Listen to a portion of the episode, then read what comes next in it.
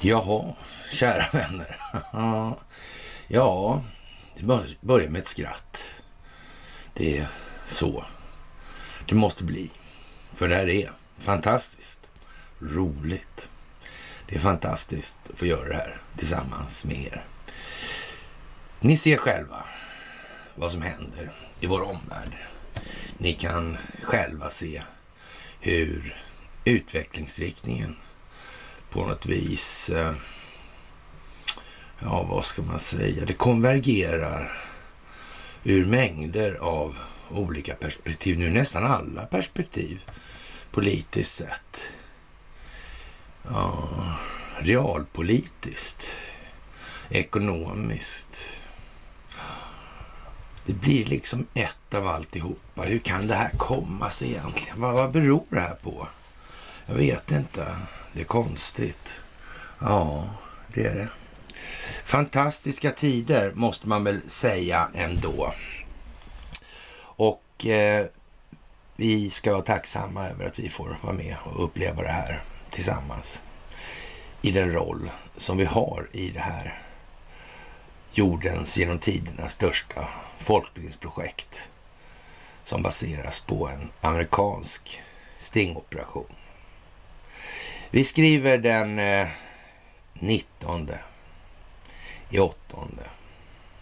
2022 och då minsann mina vänner, då jävlar, då är det dags för ett fredagsmys. Ja, det är ju lite speciellt så här varje vecka under i åratal har blivit mer dramatiskt än den föregående. Ja, det accelererar över veckorna. Ja, fantastiskt. Fantastiskt är det. Och ni ska ha det största av tack, naturligtvis som vanligt, för vad ni gör. Och för att ni är de människor ni är som faktiskt aktivt försöker utgöra en del av den förändring vi vill se i vår omvärld genom att bibringa upplysning till ledning och vidare upplysning. Det är fantastiskt. En applåd för det. Det var lite nansiskt sådär. I landet där kläderna gör mannen. Vad handlar det om man tror? Varför säger man så? Det är jag som säger så. Knäckt koden, ma marin undviker den svenska stilen. Ja, det tror väl någon det här i ett land som har levt högt globalt på ja, en illusion. Tro, icke vetande. Mm. Men som sagt, ni ska ha det största av tack för vår Swish och Patreon. Tack för att ni fördjupar er på Karl Norberg. Tack för att ni hänger på Telegramtjänsten. Och som vanligt att ni eh, ja, tar till er delar av de här underbloggarna som ibland är, om vi säger som så, lite fasförskjutna för att passa den så att säga, avsedda målgruppen, så kan vi ju säga. Det, det, det, går väl inte så långt som att man säger att det är liksom rymdödlor och sådär. Det gör det väl inte, men det, det, kan ju vara lite sådär. Men det finns ju en tanke bakom det naturligtvis. Och, och, det kanske man inte ska ta för hårt för. Man måste faktiskt sila det här också. Och någonstans ska man också inse att man inte är sist på båten i det här, alltså, eller på tåget. Men därför krävs det också lite sådär, uh, ungefär som amerikanerna då, som, som fortfarande har ja, ska vi säga en hel uppsjö med grejer som för en svensk verkar mer eller mindre saktfärdigt att överhuvudtaget ens prata om.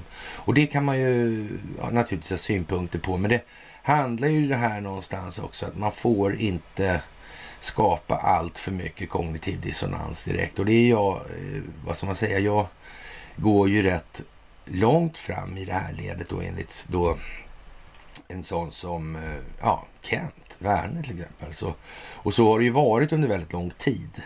Men, men därför blir det inte heller det här, eh, alltså om vi säger så här, eh, fikarumsnivån på nu är det i mitt fall monolog då, men ändå. Alltså, det blir lite sådär att det, det ja, vi tar det här vidare och så ror vi det här i hamn i den mån vi inte anser att vi redan har gjort det. Men det har vi faktiskt inte. Nu får vi så att säga börja Eh, gå åt båda hållen. Framförallt måste vi bredda det här nu så vi når ner på de här lagren där man egentligen bara är intresserad av fotboll och såna här grejer. Och där kommer vi väl in i det här i landet där kläderna gör mannen. Det är talesätt som alla svenskar har hört och sköter själv och skit i andra och sådär.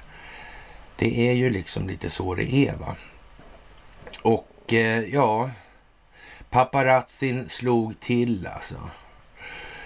Ja, de strama tightsen smiter åt Sanna Marins topptränade rumpa. Ja. ja. Vi får väl hoppas att hon inte är vald till statsminister för hon kan göra någon jävla halvdassig knäböj eller sådär va. Det, det, kan vi väl hoppas på i alla fall.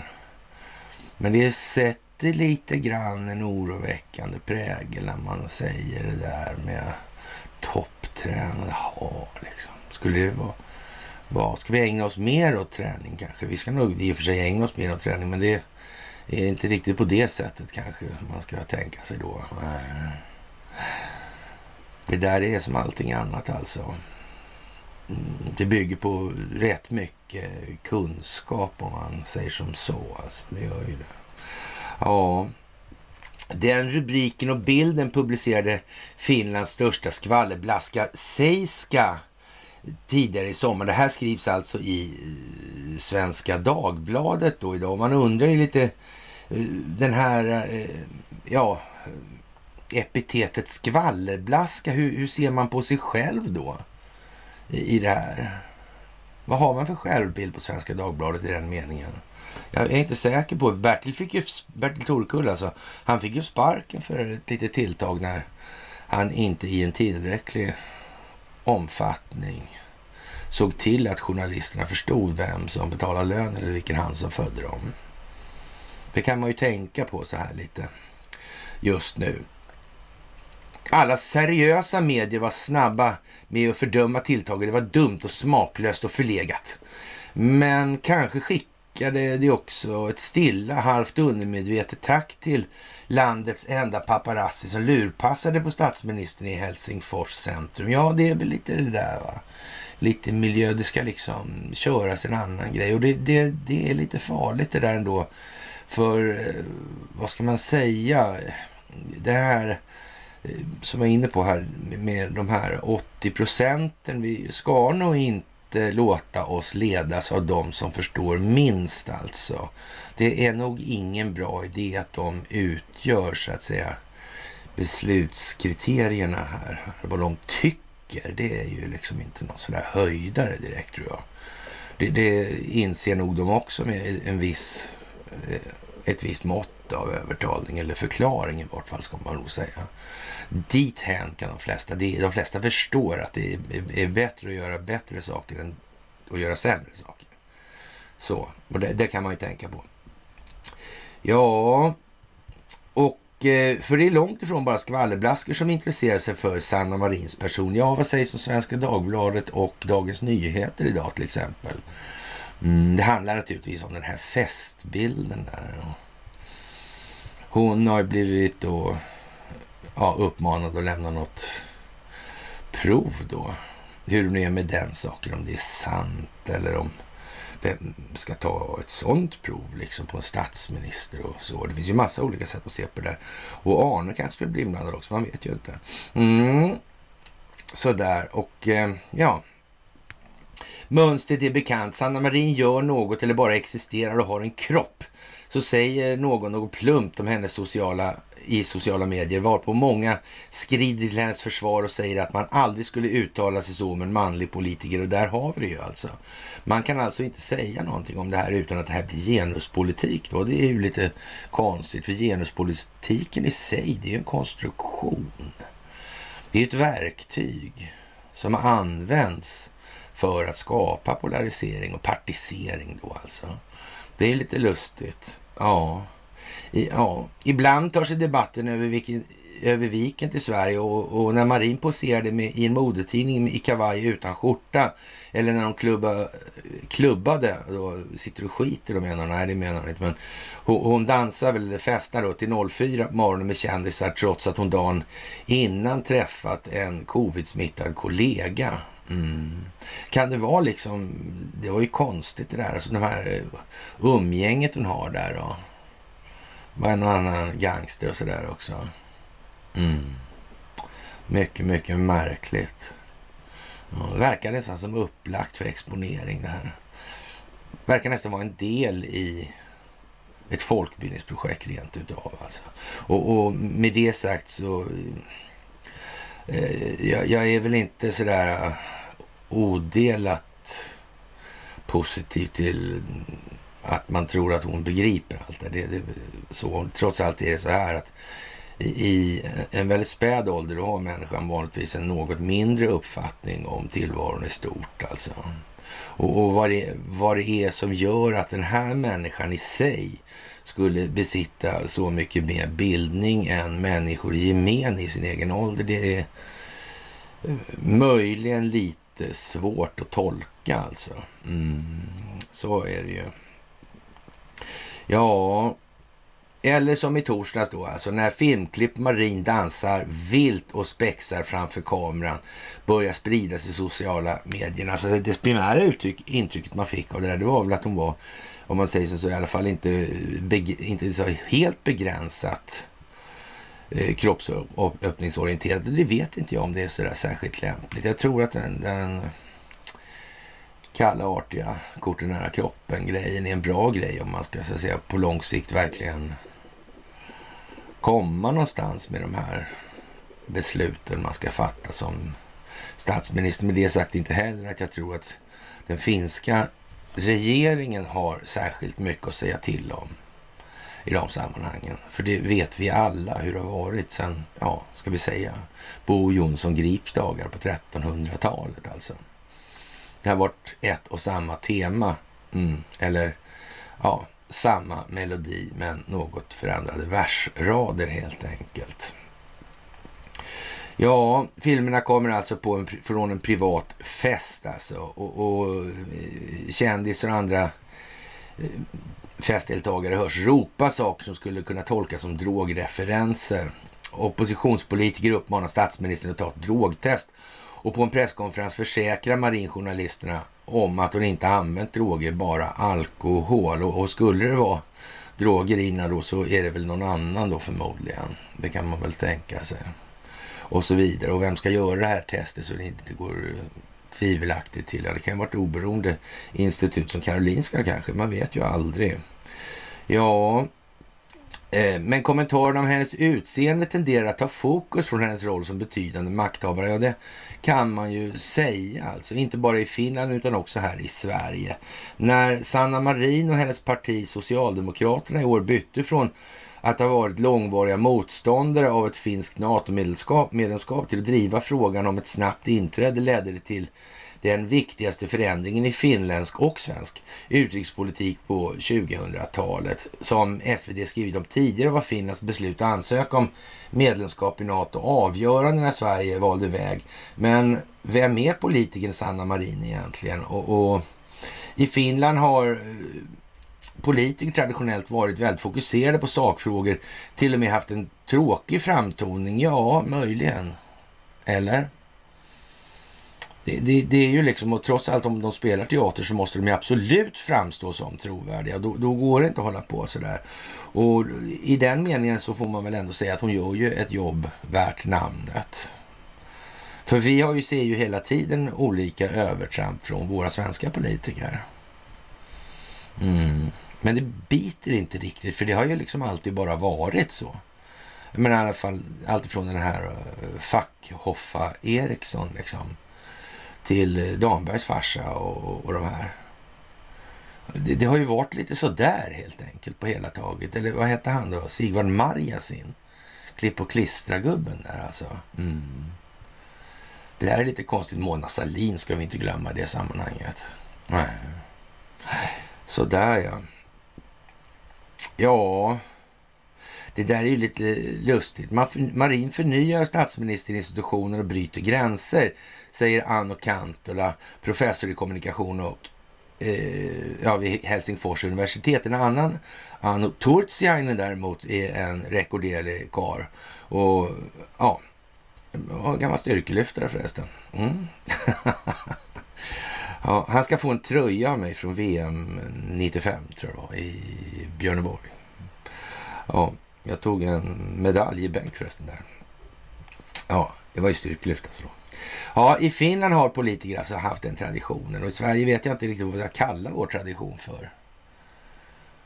Jag vet inte det faktiskt. Men det, det är nog inget bättre i alla fall.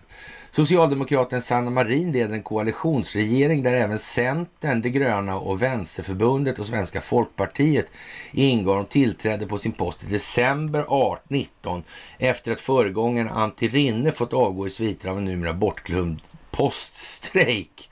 Ja, ja, det ser man vad det är. Ja. Sedan kom covid-19 och Rysslands anfall mot Ukraina. Här, här, visar man ju färgen då i, i SvD igen. Då. Och Marin visade det lugn och ledarskap som finländarna längtade efter i svåra tider. Ja, men om det är svåra tider så skriver man ju här då samtidigt att då är ju det där eh, krogflamset kanske inte är det mest eh, uh, förtroendegivande. Alltså oroliga människor vill kanske inte se det. Och man säger så här ansvarsgrejen alltså. Mm. Så kan man ju tänka sig. Och medierna de ska göra det de gör, så det blir ju inte så mycket liksom. Ska det vara party, då får det fan se till att vara en tillställning som... Ja. Men det kan man aldrig lita på heller nu. Nej, just det. Det här med internet, det är fantastiskt. Det är fantastiskt alltså. Ja, Marins regering där alla partiledare är kvinnor och fyra av dem är under 40 är landets populäraste på åratal.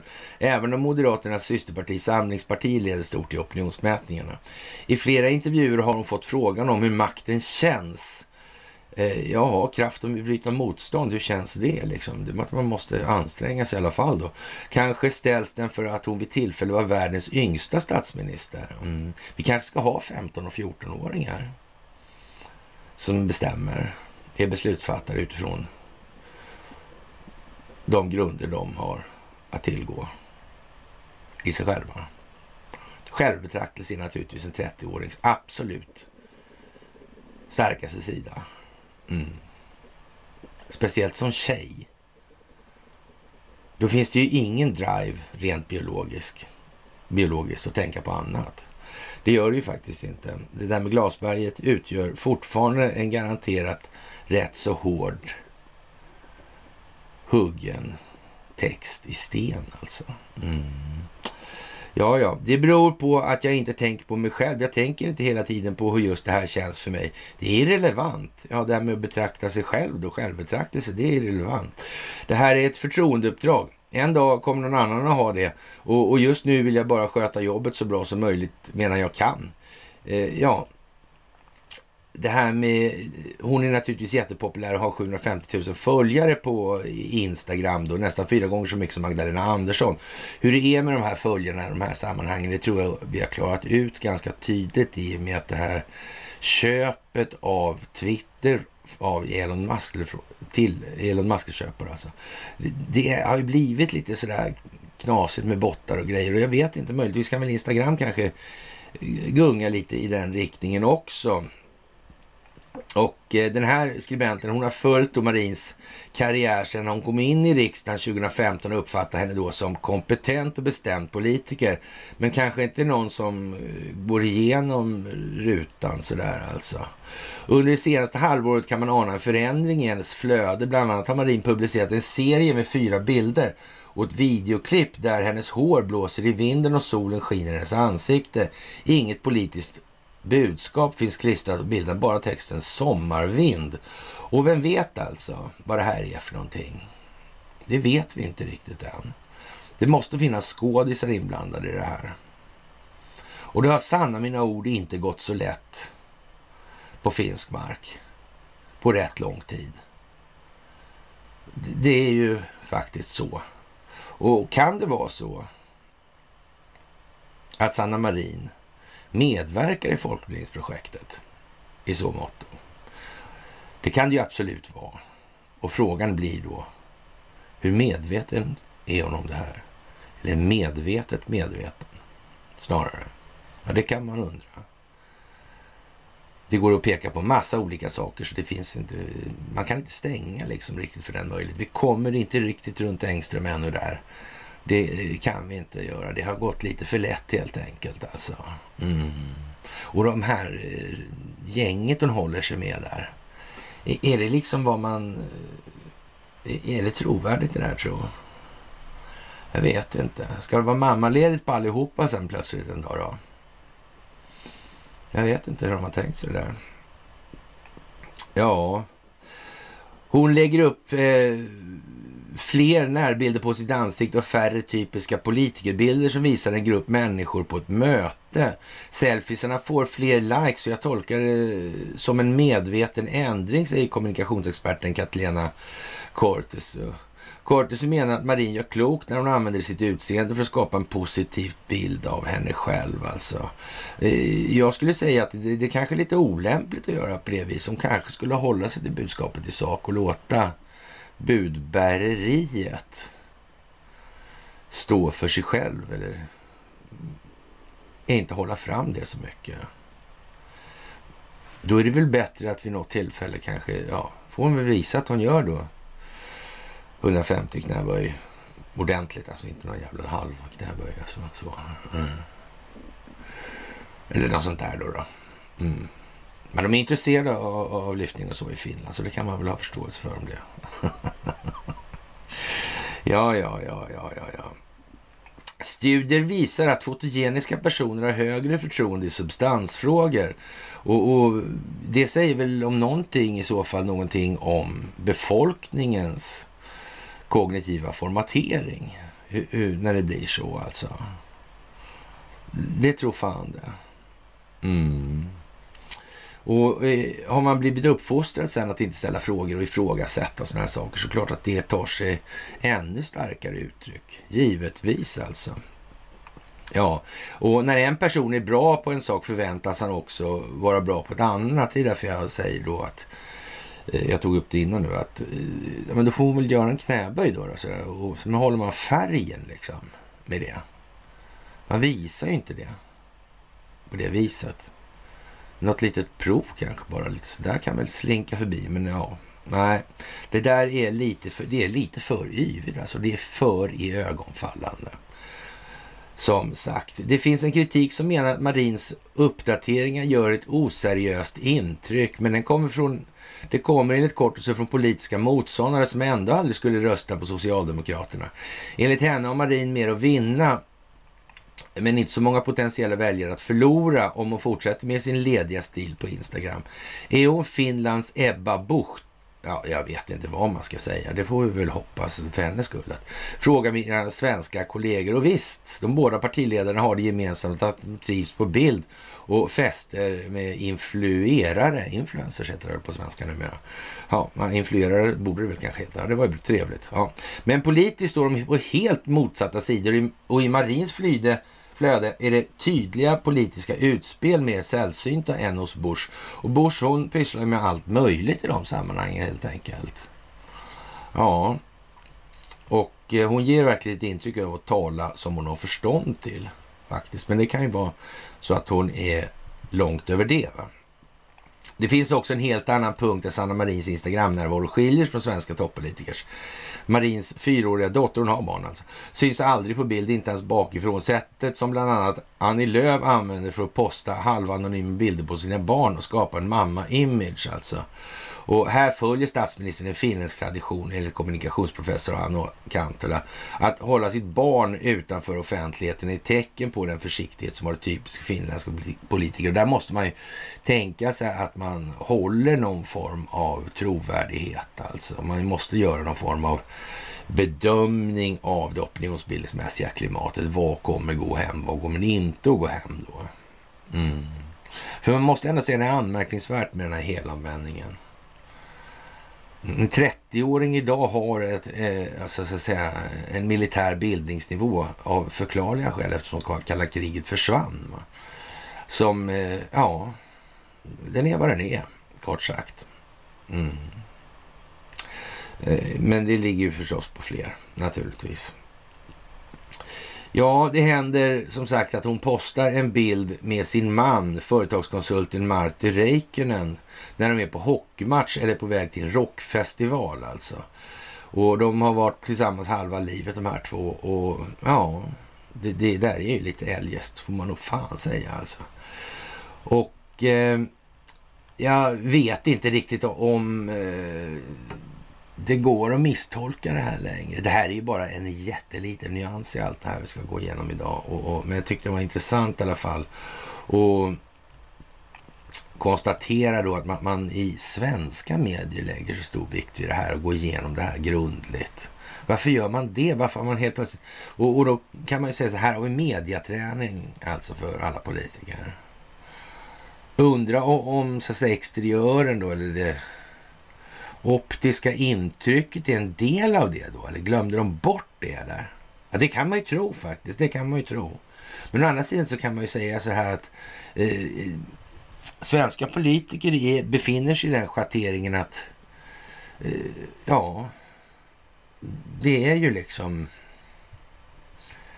eh, karisma är ju inte det man främst tänker på när man ser en svensk politiker. Och man kan säga så här, är det någon kader människor på den här planeten som ger ett intryck av den totala avsaknaden av naturligt ledarskap. Ja, det är ju vad det är helt enkelt alltså. Det kan man säga ta med fan alltså. Mm, det där är inte mycket att tveka om egentligen. Hur kan det komma sig? När någon gång i historien har vi sett en politiker ens? det är sådär alltså. Det är sådär av någon anledning.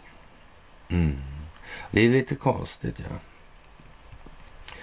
Ja, och så blir det lite udda då när det här med, med Marin går, DNs version av det här då, då, då drar hon en, drar en annan vinkel på det här. Och, och, och, det här är till exempel det med alkohol. Och det vet inte jag. Liksom det här, Finland och alkohol är i alla fall en ungefär snarlik historia till Sverige och Sveriges befolkning och alkohol. Det är lite sådär va. Det är karatefylla som gäller där alltså.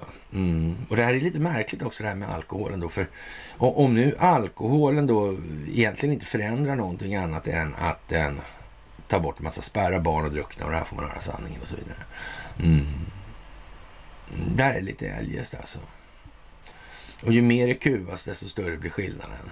Mm. Ju mer folk ägnar sig åt självbedrägeri desto jävligare blir det på fyllan. Mm. Det dåliga ölsinnet kallas det för visst. Det är alltså, ja, är det inte konstigt? Det är inte bristande självbetraktelse och självförståelse det här handlar om. Alltså det är fel på alkoholet, lösningsmedel alltså. lösningsmedlet. Alltså. Det är det som förändrar en massa saker. Ja. Det är ett speciellt eh, logiskt resonemang, det måste man ju säga. Alltså, man skulle kunna kalla det för lite eljest, rent utav alltså. Ja, vi är nere på ganska så att säga eh, spetsiga nivåer i de här grejerna nu. Och det innebär ju någonstans att de här övergripande frågorna, de är lite, ja, som vi brukar säga då, överspelade eller intellektuellt döda eller färdiga i vart fall. Mm. Så är det också. Och nu har man ju så att säga med i princip öppna kort deklarerat massa olika saker som vi också kommer tillbaka till. Och det ska vi också tänka på nu. Nu måste vi ner i det här skäset. Vi kan inte bara tjafsa om eh, Ivar Kryger. Det är liksom bara en del idiot som tror det. Sådär. Eller så kanske jag ska göra. Snarare. Och så ska jag peka på de där. Alltså. Ja, så kanske det är. Mm. Nej, det går inte. Inte monetärmekanism. Det biter inte. De måste, de måste få liksom ett kontextuellt sammanhang alltså. Ja, då tar vi den här, eh, ja, hela eh, geopolitiken då. Hur ser den här cirkusen ut? Hur har den sett ut historiskt och så vidare då? Ja, gick inte det heller. Här får vi fan ta det här med det själsliga då. Så i början tänkte jag så här, då tänkte jag naturligtvis på mitt vanliga lättsinniga sätt att nej, jag tar det här med det själsliga direkt istället. Skitbra liksom, skitbra. det var ingen som orkade läsa en tre av fyra sidor lång litania om eh, självbetraktelse och självkänsla och självets ja, påverkan, eller egots påverkan av självet och så vidare. Så här. Det var ju lite sådär alltså. Ja, det är relativt, ny, relativt nyligen i alla fall, här, och nu är vi i andra stora tidningen alltså, som fest, flesten, festen flyttade in i den privata sfären och blev något man ägnar sig åt. Om man vill bara. Marin själv menar att hon kan dansa och sjunga och festa och göra helt lagliga saker i en privatbostad när hon är ledig. Och det, det får man väl visst. Och ja, alla har rätt till respekt för sitt privatliv. Se till exempel Europakonventionens artikel 8 och, och då reglerar man det här då, då så att säga. Vad, vad, är bra ledarskap och vad är inte bra ledarskap? I den meningen. Är det så att hela befolkningen sitter och är skitnervös och är rädd för att det ska bli världskrig, då kan man ju kanske tänka sig att en statschef kanske inte ska vara på fyllan och rulla med höfterna och hålla på liksom och småjucka lite hit och dit liksom. Det verkar ju lite eljest om man säger. Mm. Ja, jag vet inte. Egentligen så, så mm styrdans och såna här grejer. Det över tiden i tiden. Va? Men eh, mm, man får tänka lite på eh, ungefär som med folkbildning alltså. Ja. Och jag är djupt tacksam över att få göra det jag gör. Alltså det ska jag klart, göra klart på en gång. Alltså jag tycker det är fantastiskt. Och, och, men vägen dit är ju ganska lång också. Eller hit kan jag säga. Ja, det har varit några diskussioner på några forum på internet genom åren. Och rätt mycket åkande runt det här landet faktiskt. Och för all del i andra länder också. Så. Ja, eh, men den privata sfären är helt enkelt ingen plats, utan bara de handlingar som vi tycker är fredade från statens insyn. Ja, i så mått kan man nog säga att det är så. I våra samhällen exempelvis sex och fest då. Men, men eh, det som sker under sex och fest upphör att vara en privat an, an, en, en privat grej då, så fort det bryter mot lagen. Och, och, och, så får man ju kanske säga också, men nu, nu, är det ju en gång så med de här lagarna att de är lite vad de är. Men, men det som är lite speciellt med den här eh, artikeln, det är slutet här alltså. I alla fall. Och det, den konservativa oppositionen är glada över de här klippen för det låter som någon i Klipperkropp ja, pratar om mjölgänget och det finns eh, att det känns bra att testa det här. Och kokainbruk är förbjudet i Finland och därför aldrig en privatsak även om det sker på fest. Man flaggar lite för att, men hade hon inte tagit det så det är ju ingen fråga liksom på det viset. Heller, men man väljer att ta upp det som om det vore en fråga ändå. Då. Ja, då kan man undra, hur ser de här på narkotikapolitiken till exempel? Mm. Det kanske man ska tänka på också. Och, och, det blir inte bättre alltså. Men, men, men eh, kanske är inte heller en fylla då statsministerns ensak då. Alkohol är en dålig drog för, beslut, för en beslutsfattare bestämmer man här då. Och för, ja, jag vet inte om den inte blir sig själv eller om den blir sig själv. Ruset är så långsamt Eh, ja, det kan väl vara till fullt tillräckligt. Det vet väl alla som har provat antar jag, men det kanske är fel. Återhämtningen är så lång. Ja, det beror på hur mycket man har druckit och kanske. Under flera timmar är man oförmögen att göra något för landets bästa. Ja. Och det är en sak att ha rätt till privatliv. Kanske en annan att ha rätt till långa, garanterat oavbrutna sjok av privat tid som statsminister. Alltså då. Ja. Och så kommer avslutningen alltså. Där har mjölet med sina 30 minuters rus åtminstone en fördel. Jaha. Det kan man säga var lite olika tagningar på samma ämne. Alltså det här var Dagens Nyheter, Elsa Kugelberg idag. Och alkohol är en usel drog för statsministrar som Sanna Marin. Mm. Vad är det där egentligen? Ja, som sagt, det, det där Miljöpartiet har ju varit lite... Ja, vi har ju det här med energin här hemma naturligtvis. Har vi det där med Uniper och Uniper och hade någonting och vad hade de med Tyskland att göra där med gas och sånt där. Och så hade väl Fortum någonting, det var inte så? Var det inte så? Del, var inte de delägare i det där Uniper? Uniper de driver ju det där Karlshamnsverket, det där som Martin Stensö kontaktade där. Jag vet inte om det är han har lagt upp den här filmen med den här snubben som ringer tillbaka sen flera gånger och vill, vill att han inte, ska, han inte ska publicera det här. Och det här med att det, det går på halvfart. Den här anläggningen. Det där är ju lite speciellt alltså. Mm. Och sen höjer man dieselpriset till ett falla, fallande råoljepris. Mm. Vad, vad är det här för någonting? Jo, det är folkbildning. Det är optik. Det är för att människor ska se efter, tänka efter. Försöka förstå hur hänger det här ihop egentligen? Och det blir många sådana här exempel idag. Elkrisen med rekordhöga elpriser i södra Sverige har gjort att elproduktionen i Karlshamnsverket ökar kraftigt. Den gick ju fullt då i Dagens Nyheter och Svenska Dagbladet tror jag det var. Och, och, men nu planeras nyanställningar för att gamla oljeeldade reservkraftverket ska kunna öka, fortsätta öka, kunna öka, fortsätta öka produktionen och bidra till att möta det allt sämre läget för elförsörjningen i södra Sverige. Det uppger VD Henrik Svensson i en intervju. Karlshamnsverket har, vi, har av VD i fråga då beskrivits som den sista livlina för elförsörjningen. Nu planeras nyanställningar då och eh, det, det, här är ju lite sådär, det allt mer allvarliga läget för elförsörjningen i södra Sverige då. Och eh, Karlshamnsverket har funnits väldigt länge och, och, man kan ju tycka att det här är ju... Varför skriker inte miljörörelsen mer? De skriker naturligtvis lite sådär, men, men ja. I takt med att underskott och elproduktion i södra Sverige blir allt större spelar Karlshamnsverken en allt viktigare roll för att trygga elproduktionen. Vi har i år ökat produktionen kraftigt. Vi planerar nu att stärka organisationer som idag drygt 50 anställda. Målet är att nyanställa åtminstone ett tiotal personer för att kunna växa då liksom i verksamhetens omfattning. Och ja, det här är, ja, det är uppmärksammade producerade Karlstadsverket förra året el under fler timmar än under de senaste tio åren sammanlagt.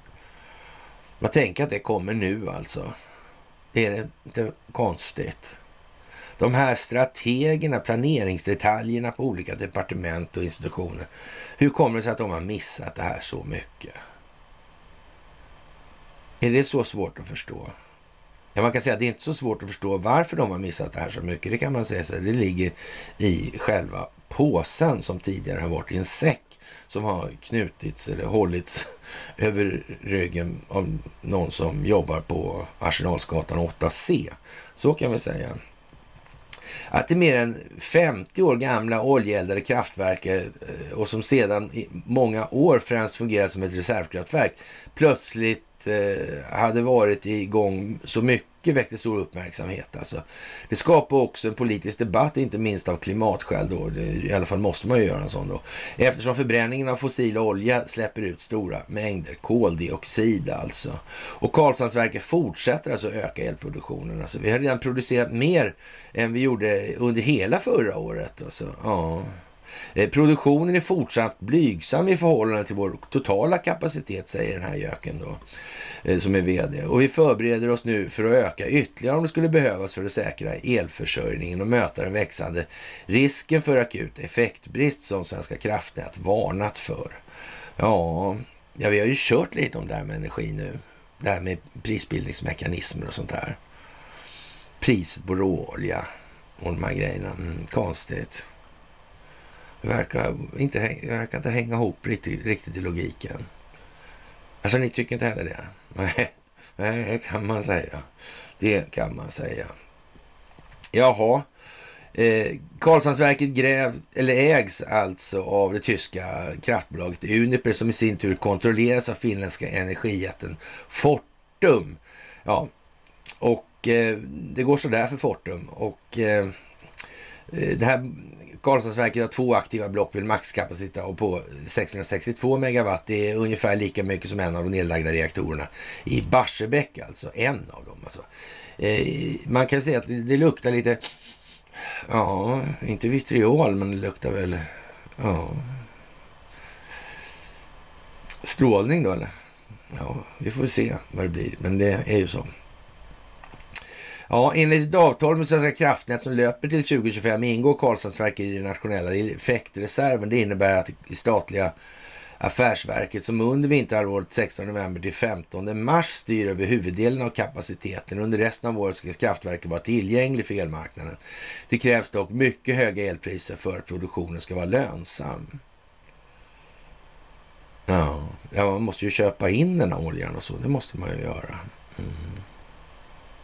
Och, och, och, och annars så går de med förlust. Eller? Då kör de fast det är olönsamt då? Uh -huh. mm. Man kanske ska fundera på det där. Vad, vad, vad, vilken anledning produceras den här energin egentligen? Mm.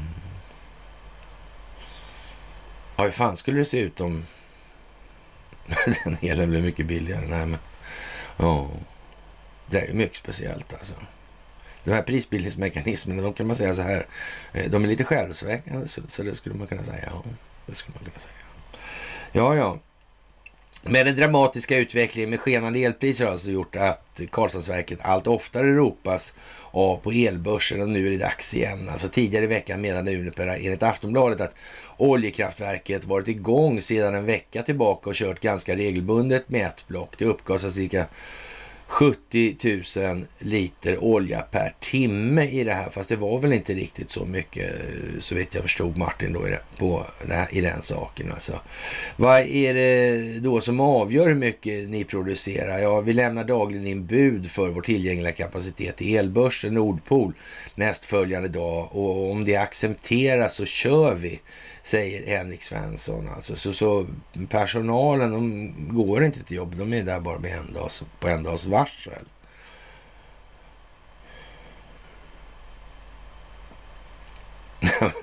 nu måste till och med en svensk höra hur det här låter. Alltså.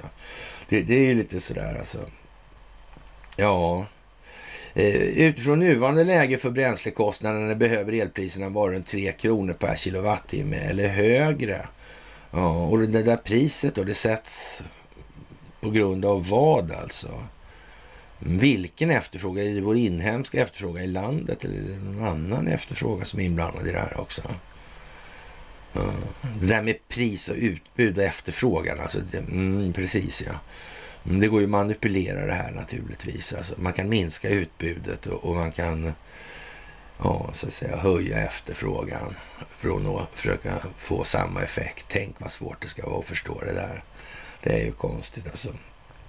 Ja, utifrån nuvarande läge för bränslekostnader behöver elpriserna alltså vara tre spänn. Alltså, ja. Det kan jämföras med att elspotpriserna för SE4, det sydligaste elprisområdet där Karlshamnsverket ligger, den här veckan slagit nya rekord med som högst som över, långt över 5 kronor per kilowattimme. Tidigare år varnade Henrik Svensson i en intervju för det allvarliga läget för elförsörjningen i södra Sverige och pekade på att det är bråttom med politiska beslut. Läget är minst lika allvarligt nu, men, men tyvärr lyser den politiska handlingskraften med sin frånvaro. Det är mycket oroväckande, inte minst med tanke på de stora negativa konsekvenserna de exceptionellt höga elpriserna har här i södra Sverige och, och med tanke på den ökade risken för akuta bristsituationer alltså alltså. Ja, det är fantastiskt. Man kan ju använda det här som en riktig, ja, nästan spelmotor, men med vart fall någonting som skapar politiskt momentum i önskad riktning. Ska det vara så egentligen? Som eh, han den här eh, norrlänningen i med den här soptunnan.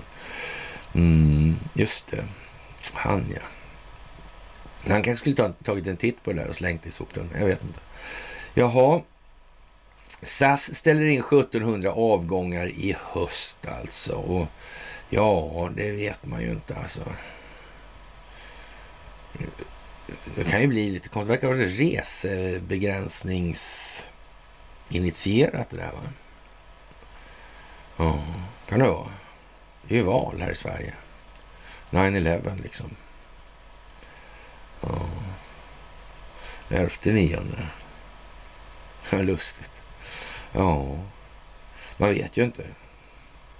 Som sagt. Och vi har sagt då att det här ska komma in via USA. Alltså så här, men i alla fall momentumet skapas där. Mm. En av de tyd mer tydliga upplösningspunkterna eller, eller nåderna, vilket man vill se det som. Alltså, det är alltså Ukraina då. Förutom då naturligtvis det här gamla vanliga globalistgänget i samma familj och intressesfär. Det kan man också komma ihåg. Jaha, och när Floridas guvernör Ron DeSantis då annonserar att han ska göra 20 frihetsberövanden för röstbedrägerier nu. Mm. Eh, jag vet inte, fisken där ruttar ifrån stjärtfenan. Eh, jag tror inte det va? Det är nog från huvudet. Kan han inte hålla sig simmande vet han att den är död då. Så det väljer rött därifrån tydligen. Ja, ja, då är det så att säga igång nu. Så. Då har inte de ovanför särskilt mycket att berätta mer helt enkelt. När man gör så. Ja, sjölagen från 94. Det är någonting speciellt alltså. Och det här med sjönöd är lite lustigt. Och varför pratar vi om det? Jo, därför att den här historien med Estonia och upp ur hålen på Estonia kommer ljuset från verkligheten att komma. Det är ingenting som vi har sagt lite sådär eh, att bero på ingenting en passant. Alltså det, det, det, finns lite mer tankar bakom det än vad vi kanske har förmedlat. Så, det gör det ju. Mm. Och, och, som sagt, det är en eh, riktig soppa. Och sen har vi också den här Arctic Sea-historien. Vad vart det av de där egentligen? S300-systemen med spetsar. Var tog de vägen? Mm. Det var väl 2010 det där har jag för mig. 12 år sedan. Och jag förde världens väsen kring det där. Mm. Och de stack ut med hela jävla Östersjöflottan alltså. Och drog rakt igenom Engelska kanalen med ubåtar och allting full fart och sådär. Så hittade de väl henne nere via ja, Azorerna eller så. Mm. Vad var det där egentligen? De där spetsarna är ju inte bra för de är ju, har ju en, en sån signatur alltså. Mm. Det går ju att analysera om man skulle använda dem där. Då. Ja, vi vet ju inte som sagt. Men det kanske inte fanns någon djupstat i Sovjetunionen eller Warszawapakten. Nej, den djupa staten fanns bara i väst. Så kan det ha varit. Eller så kan det inte ha varit så. Nej, det kan det nog inte ha varit. Alltså. Jaha, och så hoppar, hoppar vi hem igen då. Det tar det värsta av allting. Det är gamla kallkuttar då. då. Och, och ja, Eh, det, förefaller liksom ligga i en annan värld nu. Sundsvallsregionen kämpar om att locka till sig en stor industri till Torsboda, ett sånt här logistikcentrum. Alltså det handlar om känsliga förhandlingar som kan leda till tusentals nya jobb. Nu kommer kritiken om att viktig information läckt ut och att oppositionen hålls utanför när den kinesiska batterijätten besökte Sundsvall och Timrå. Landshövding Berit Högman och regionrådet Glenn Nordlund anlände gemensamt till lunchmötet. Det kinesiska besöket skulle ske under största sekretess, men under en lunch på Södra Berg i måndags möttes den kinesiska gruppen av en stor delegation. Regionrådet Glenn Nordlund, S, fanns där, socialdemokrat, fanns där liksom landshövdingen Berit Högman. Mellan 20 och 30 personer var samlade på restaurangen på Södra berget och så långt lyckades valet av plats göra så att de kinesiska gästerna tog kort och imponerades av utsikten. Mm. Se där ja. Mm. Nu ställs frågor om läckor om vilka som har fått förhandsinformation om det kinesiska företaget Shanghai Puteile hemliga besök i Sundsvallsområdet i veckan. Det fanns personer på plats som rimligtvis inte borde ha vetat hur, hur fick de informationen under oppositionsrådet i Timrå, eh, Tony Andersson alltså? Ja, vad är det här för något konstigt egentligen? Men, men givet att det här då kanske eh, får bäring på verkligheten. Det skulle man faktiskt kunna tänka sig av något annan anledning än kanske många tänker sig än så länge. Mm. Det kanske blir en slags trevägskäl det här landet, alltså i allmänhet och ja, kanske till och med Sundsvall eller Calcutta då i synnerhet. Mm. I Norrland har vi vid Indien. Mm. Men det var Axel som sa det. Men det var ganska länge sedan och så. Ja. När det gäller Investor och Alba, var inte han eh, Knut Agaton, var inte han längs Ljungan han? Jo, det var han ju ja. Och Ljungaverk, ja, så ligger också där. Och Axel Nobel och hej och hå. Så, ja, det var ju, man byggde liksom upp allting därifrån. Och, mm. och sen startade han ju bank då naturligtvis. Mm. Ja, ja, ja, ja, ja, ja. Det var ju lite speciellt ja. Ja, där är ju... Efter lunchen samlades den kinesiska gruppen alltså utanför Södra berget för en rökpaus inför avresan. Hemligare än så blev det liksom aldrig det här. Och ja, efteråt har det ställts frågor om hur företagets offensiva Europaplaner kunde avslöjas under Sundsvallsbesöket. Normalt brukar företagskunder av det här slaget eller företagskontakter av det här slaget sker diskret under sekretess. Men på Södra berget skedde affärsmötet öppet med dominans av tjänstemän och företrädare för Socialdemokraterna. Ja, men det är väl inte så att det här är stacklat ändå alltså? Kan det vara så? Och, och en del får helt enkelt inte vara med. Nej. Nej. Ja, men snart är det fest och snart är det val. Vad blir det för typ av fest egentligen? Jaha. Är det så de har tänkt sig? Ja, ja, ja, ja. Den skandinaviska teatern. Vad jag hör? Det är något som bullrar. De byter scendekor där på storscenen. Ja, ja. Ja, ja. Jaha, är det skandinaviska scenen nu som kommer? Ja, varför inte? Ja, ja, ja, ja. Finlands sak i vår. Ja, det verkar ju om inte annat vara så att Sanna Marins arsle är en del av den svenska välfärden. Mm. Jaha, ja. Ja, man lär sig länge man lever alltså. Ja, ja, ja, ja, ja. Eh, efter det här tillställningen i Sundsvall upp på Södra berget då, så är den politiska oppositionen i såväl Timrå som Sundsvall kritisk. Mest för att de inte fått någon förhandsinformation. Oppositionsrådet Alicia Capica, moderat, undrar varför oppositionen inte var inbjuden och varför fick man inget veta när andra uppehåll informerade sig förväg. Jag blev tagen på sängen när jag fick läsa om det där i tidningen, säger Capican. Ja, jag är, är, är, besviken och irriterad. Självklart har jag respekt för att processen kräver diskretion, men när det kommer till en lunch med flera inbjudna borde, jag också, borde också den politiska oppositionen ha varit representerad. Jaha. Men kanske inte kineserna är intresserade av att det här ska göras politik av det. Och kanske kineserna samarbetar med någon, något land eller sådär. Kanske, kanske Ryssland. Jag visste att de är strategiska partners. Ja. Och, och där har vi den där eh, Sundsvallsoligarken Deripaska, han med pennan där som snodde Vladimir Putins penna. Ja, för att vara bästa kompis med honom då, Vladimir Putin alltså, så betedde sig ju Deripaska lite eljest alltså. Ja. Det där är ju lite speciellt får man nog säga. Mm. Ja, konstigt alltså.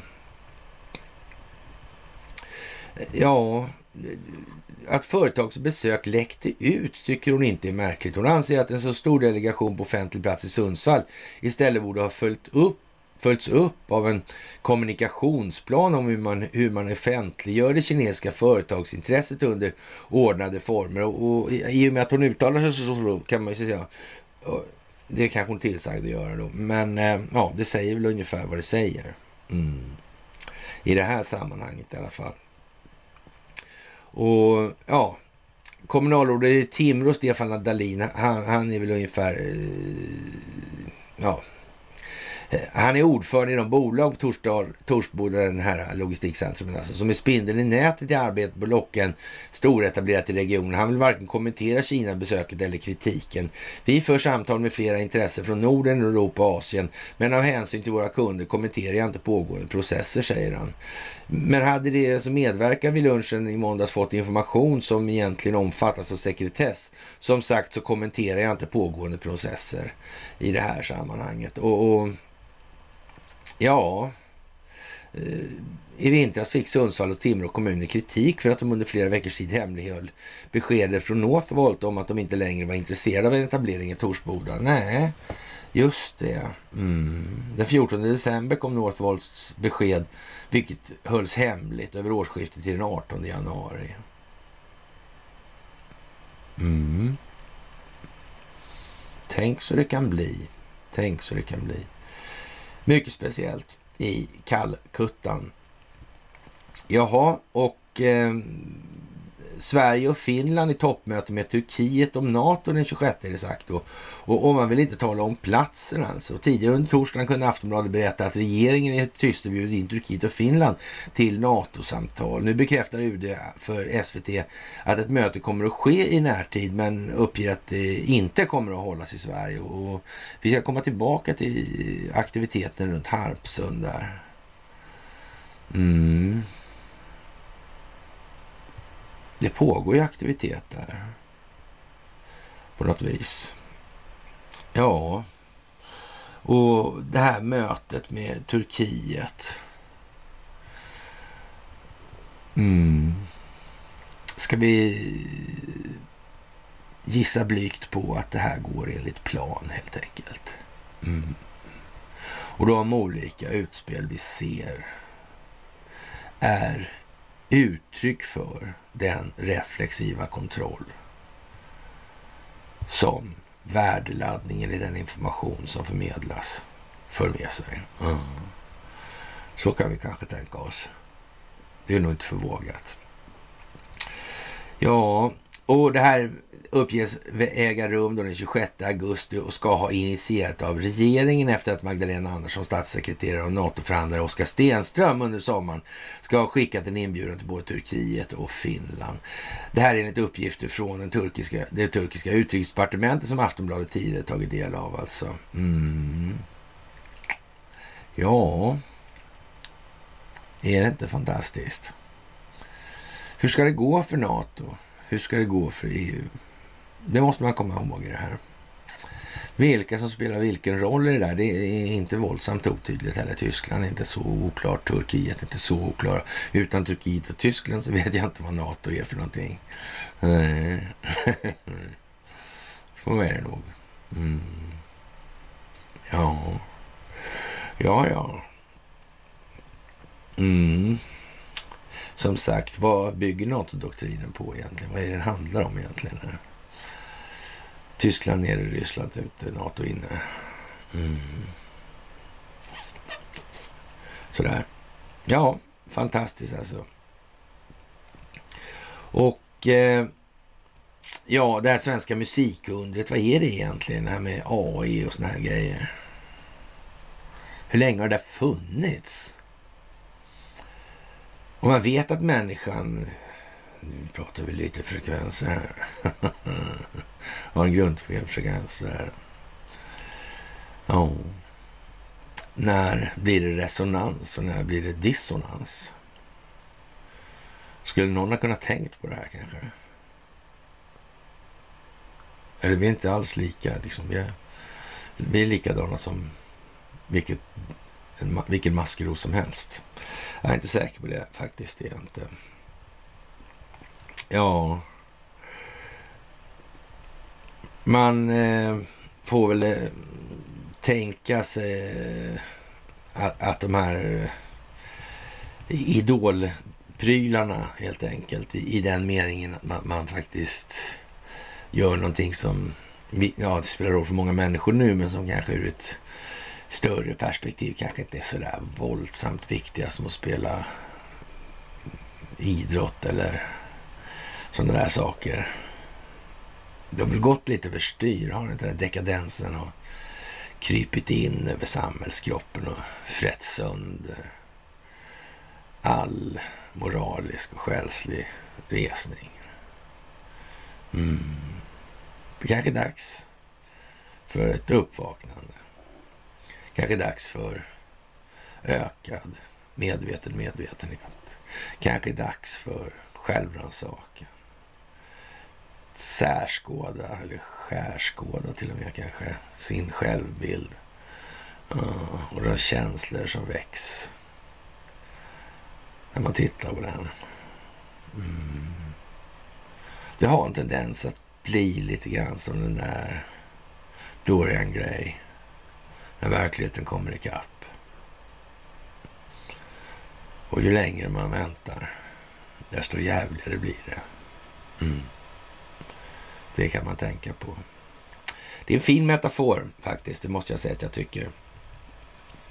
Erdogan efter möte med Putin, Turkiet störtar Ukraina. Och, och, det låter väl tjusigt tycker jag alltså. Eh, den ukrainska befolkningens medvetna medvetenhet kan ju inte vara så överdrivet hög eftersom de hamnar i den situationen de har hamnat då. Och, och, man får nästan anse att den har en viss svenskhet i sin prägel alltså. Och för kanske är det så att det, den djupa staten faktiskt finns i Ukraina. Det finns en hel del korruption där. Mm. För att inte säga att Ukraina är en failed state alltså. Mm. Och, och, och, att i det läget då säga som Recep Tayyip Erdogan så här. Medan vi fortsätter våra ansträngningar för att hitta en lösning förblir vi på våra uh, ukrainska vänners sida, säger Erdogan enligt nyhetsbyrån AFP. Ja, om Ukraina är failed state så då ska det väl upprättas ett Ukraina då antar jag. Det är väl det han menar. Mm. Till exempel. Kan det vara så alltså? Ja, jag tror faktiskt det. Jaha, Turkiets president Recep Tayyip Erdogan säger att han, alltså att hans land står på Ukrainas sida i konflikten. Uttalandet kommer efter bara två veckor efter att presidenten lovat stärka det politiska och ekonomiska samarbetet med Ryssland. På torsdagen möttes, mötte Ukrainas president Vladimir Zelensky både Turkiets president Recep Tayyip Erdogan och FNs generalsekreterare Antonio Guterres i Lviv i västra Ukraina. Två veckor tidigare mötte Erdogan den ryske presidenten Vladimir Putin i Sochi.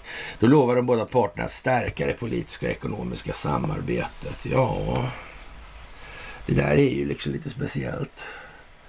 Det beror ju som sagt på vilket utgångsläge man har för sin betraktelse. Vad är då Ukraina i det här läget? Ens? Kan det vara bra att komma ihåg det nu? Det är återkommande det här. Det går om och om igen nu. Och ja, vid eh, pass när vi har kommit eh, ner till de grejerna som hände igår eller i förrgår kväll, ja då har vi redan avhandlat dem egentligen. Så blir det liksom ett varv till, för så fort går det nu alltså. Så konvergent är utvecklingen. Mm. Ja, som sagt, det, det, är mycket speciellt alltså. Zelenskyj uppmanar FN att säkerställa säkerheten vid kärnkraftverk. De menar att den ryska militära närvaron vid anläggningen är avsiktlig. Ja, det, det, det, kan inte möjligtvis vara osant alltså. De har inte hamnat där liksom apropå ingenting. Ja, och Ryssland ockuperade Zaporizjzja i mars och Eh, sedan i slutet av juli har Kiev och Moskva anklagat varandra för att ligga bakom attacken mot kärnkraftverk. Efter möte frågade Guterres en omedelbar efterfrågade Guterres en omedelbar överenskommelse för att säkerställa eh, säkerheten i området. Men är alla intresserade av det här? Då? Måste inte folk upp på tå? Hur var det med det där? Vi måste rusta upp vår kärnvapenarsenal för att människor ska förstå den verkliga innebörden. Mm. Så är det också. Så är det ju också alltså. Men utöver kärnkraftssäkerhet diskuterade även spannmålsexport. I början av augusti återupptog Ukraina sin spannmålsexport från sina hamnar i Svarta havet sedan man slutit avtal med Ryssland. Och som man fram, eller förhandlat fram då med hjälp av Turkiet och FN. Och ja, det är någonting som är väldigt konstigt. Eller inte alls. Hur många, vad kan det här vara för någonting? När Zelenskyj säger som han gör. Frågan är alltså, finns det ens några verkliga djupa staten koryféer kvar? Och, eller kanske har det varit så länge att det inte finns någon kvar? Joe Biden han växlar ju får man ju säga alltså. Från gravt senildement till rätt så rapp och slagfärdig faktiskt. Mm. Fast emellanåt så chanserar han totalt. Mm. Ja, ja, så kan man ju tycka är helt normalt. Och eh, den här setupen då med tillslaget mot Mar-a-Lago där. Och, eller Mar-a-Lago grejer som det är alltså. Jävlar vad surt det kommer efter. Och det verkar ju till och med så illa som att ja, Peter Schrock, han har inte utbildats hos FBI. Han har inte gått en enda skola där. Och, och han var ju ändå biträdande chef för kontraspionaget. Oh. Lustigt. Ja, kontraspionaget på inrikes säkerhetstjänsten. Mm. Måste inte de ha lite kontakt med den ut, utrikes, utri, eller utrikessäkerhetstjänsten kanske? Mm. Alltså det är ju CIA alltså. Ja, ja. CIA det är ett fint gäng. Ja, ja, ja. ja. Dall kanske? Nej. Jo, det kommer jag ihåg. Ja, Salvan Cromwell kanske du kommer ihåg också. Ja, jag vet inte. Och ja, så ska norska gasen säkra värmen i, i vinter då. Och, och, ja, nu har de tagit bort rysk gas. Men varför har de föredragit den ryska gasen då? Överhuvudtaget. Mm. Ja, det är märkligt alltså. Det är märkligt alltså. Eller inte ett dugg eh, märkligt. Nej. Ja, ja. Ja, SMHI varnar för skyfall i stora delar av landet. Jag vet inte vad jag ska säga om det, men eh, snudd på politiskt centraliserat och koordinerat skulle nog gamla farmor ha sagt med ett elakt flin i mungipan till sina blåtonade väninnor som också pratar latin då. Ja, skyfallsliknande regn väntas i stora delar av södra Sverige under eftermiddagen och kvällen. Nu utförar SMHI en gul varning alltså. Fantastiskt alltså. Enligt SMHI väntas skyfallen starta vid 15-tiden på fredag eftermiddag och pågå till tidigt lördag morgonen. Eh, även kraftig åska kan förekomma. Trafiken kan bli långsammare på grund av översvämmade vägar, skriver SMHI, som också varnar för risk för översvämningar i källare, dagvattensystem och viadukter. Skyfallen kan återvända under lördagen och varningen kan då utökas, skriver SMHI på fredag morgonen. Mm. Är det någon slags jävla förväntnings skapar institutioner här. Nej. Men de skulle väl aldrig kunna använda ah, som ett politiskt verktyg i opinionsbildningen. Nej. Första rubriken som skriver vädret har blivit bättre sen. Ja, eller som farmor sa. Vädret har blivit så mycket sämre sen det centraliserades i Norrköping. Ja, men typ alltså. Så kan man ju säga. Mm. Ja, ja, men nu vill man visa det också tydligen då. Och, och ja, det var väl trevligt i alla fall. Ja, eh, ja, det här är ju någonting som är oerhört svårt alltså. Dieselpriset stiger kraftigt då alltså. Och, och det här med prisbildningsmekanismer, vad är det för någonting egentligen? Hur, hur skapas det här priset? Om, om priset på dollar alltså stiger. Då, vi säger så här att 10 dollar eh, beskriver värdet då på en volymenhet olja. Mm. Och sen stiger priset på dollar, det vill säga det blir ett efterfrågeöverskott på valutamarknaden alltså. Det blir mer efterfrågan än utbud alltså. Och med det sagt som jag sa tidigare, alltså, de parametrarna med utbud och efterfrågan går ju att påverka alltså. Mm. Och i det här fallet så att säga, då kan man ju då i Federal Reserve-sammanhang, eller man, man, säger så här, man kan ju köpa upp dollarvaluta alltså. Mm. Och driva upp priser där. Men, men uh, frågan är ju ändå någonstans det här, men, men hur, hur, påverkar det liksom beskrivningen av oljan? Då, då borde ju, om det är, vad, he, vad heter det, infl, inflation. Det är inte det liksom per definition, funktionsmässig definition, är inte det fler enheter valuta för att beskriva en given mängd av en vara? Har jag helt missförstått det här kanske? Eller eh, har ni också förstått det på samma sätt? Samma missförstådda sätt helt enkelt. Ja, La Traviata liksom. Som sagt. Under samma tid har, man kan googla oil så kan man se att oljepriset går ner då. Men, men, men de höjer alltså priset vid pump. Alltså det är väl ingen, det, är inte, det finns ingen möjlighet att det här är ett folkbildningsprojekt alltså. Och, och då kan man ju dra till så här att om det här är en krasch, ett haveri för det valutafinansiella systemet på grund av skuldmättnad.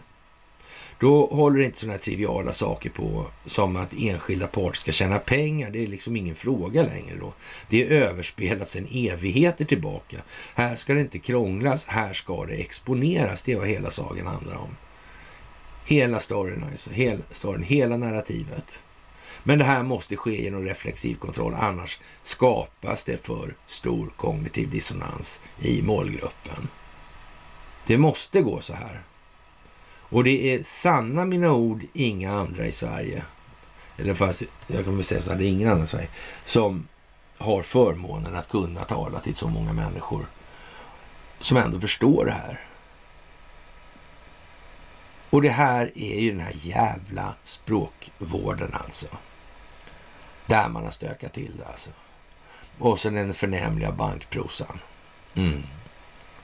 Det är liksom bara, men nu hör jag något. Det är vinden. Det är bara... Det är förändringens vindar som kommer. Oj, oj, oj, oj, oj. Vad hemskt. Det blir bra, tycker jag. Det blir bra. Ja, under samma tid har bensinpriset bara höjts 15 öre alltså.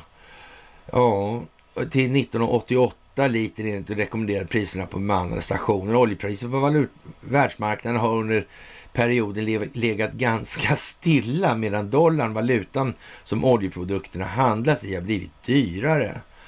Ja, hur, hur gick det egentligen till då när det blev fler enheter valuta som skulle beskriva samma mängd var alltså? Hur gick det där till? Hur blev det så alltså? Priset på den här valutan per enhet valuta alltså, stiger. Då helt plötsligt så hoppar alla de här pengarna, de bara, mm, mm, sådär, hoppar strömhopp in i det här. De är liksom helt förvirrade, de stackars pengarna. Eller hur, hur gick det här till egentligen rent funktionsmässigt? Hur förklarar man det där? Alltså gör man inte det. Utan det är den tunna marginalen man befinner sig i i de här sammanhangen. Bättre är det inte. Det är ju ett gäng jävla luffare på det viset. Intellektuella luffare och ingenting annat. Faktiskt. Och då kan man säga så här också. Det är inte ens möjligt utan att vara eller ha eh, eh, eh, en viss moralisk deviation på kompassen. Alltså, det, det, är inte... De är bäst skickade helt enkelt för att det här systemet ska bevaras. Det ligger liksom i sakens egen natur också. Och så kan vi inte ha det. Vi kan inte ha det så. Det här går inte att fortsätta på, bygga vidare på, starta om eller sådär. Det finns ju inte en möjlighet alltså. Informationssamhället ser helt annorlunda ut. Det går inte att göra något jubelår till exempel. Alla skulle ju ta höjd för nästa stora kreditbegivenhet i det. Såklart. Vi skulle ju ta tusenårslån eller sådär. Mm. Det är ju inte värre. Faktiskt. Jaha, minikärnkraftverk i framtiden alltså. Och det här är ju gammalt sen man hade den här, uh, ja, Savanna då, det första civila där. Men då visade det sig då att man har haft en ubåt hur länge som helst och så. Så det, det var ju liksom inte så jävla nyvunnet då när man sa det. Landet under ockupation medan flygvapnet flyger eskortuppdrag för bombning inom landet. Hur är det ens möjligt? Det finns väl för fan inget ockuperat land som har sitt flygvapen intakt. Ockupanten måste ju vara den sinnesslöaste entitet som någonsin har... Hur, varför övar man för något sånt konstigt? Man släpar in alltså. Flyger eskort för bombplan. Hur kan det här gå till? Vänta, vad kan det vara egentligen? Vad kan det vara egentligen? Mm -hmm. Den här ockupanten, vem är det? Vem är det alltså? Ja, ja. Ockuperade från insidan. Ah, den djupa staten alltså. Jaha. Ja, ja, är det så man kanske tänker sig? Ja, ja, man vet ju inte. Komiskt kan man tycka. Eh, något annat som är komiskt och jag kommenterar med hihihi och, och det är ju inte särskilt komiskt alltså för eh, det är nog mer tragiskt när någon som heter Åsa Ingrosso rop på hjälp från semesterparadiset det här i Svensk Damtidning. Jag tyckte det var lite gulligt. Ja, jag står inte ut, alltså det är så varmt där nere så hon får springa mellan stranden och restaurangen.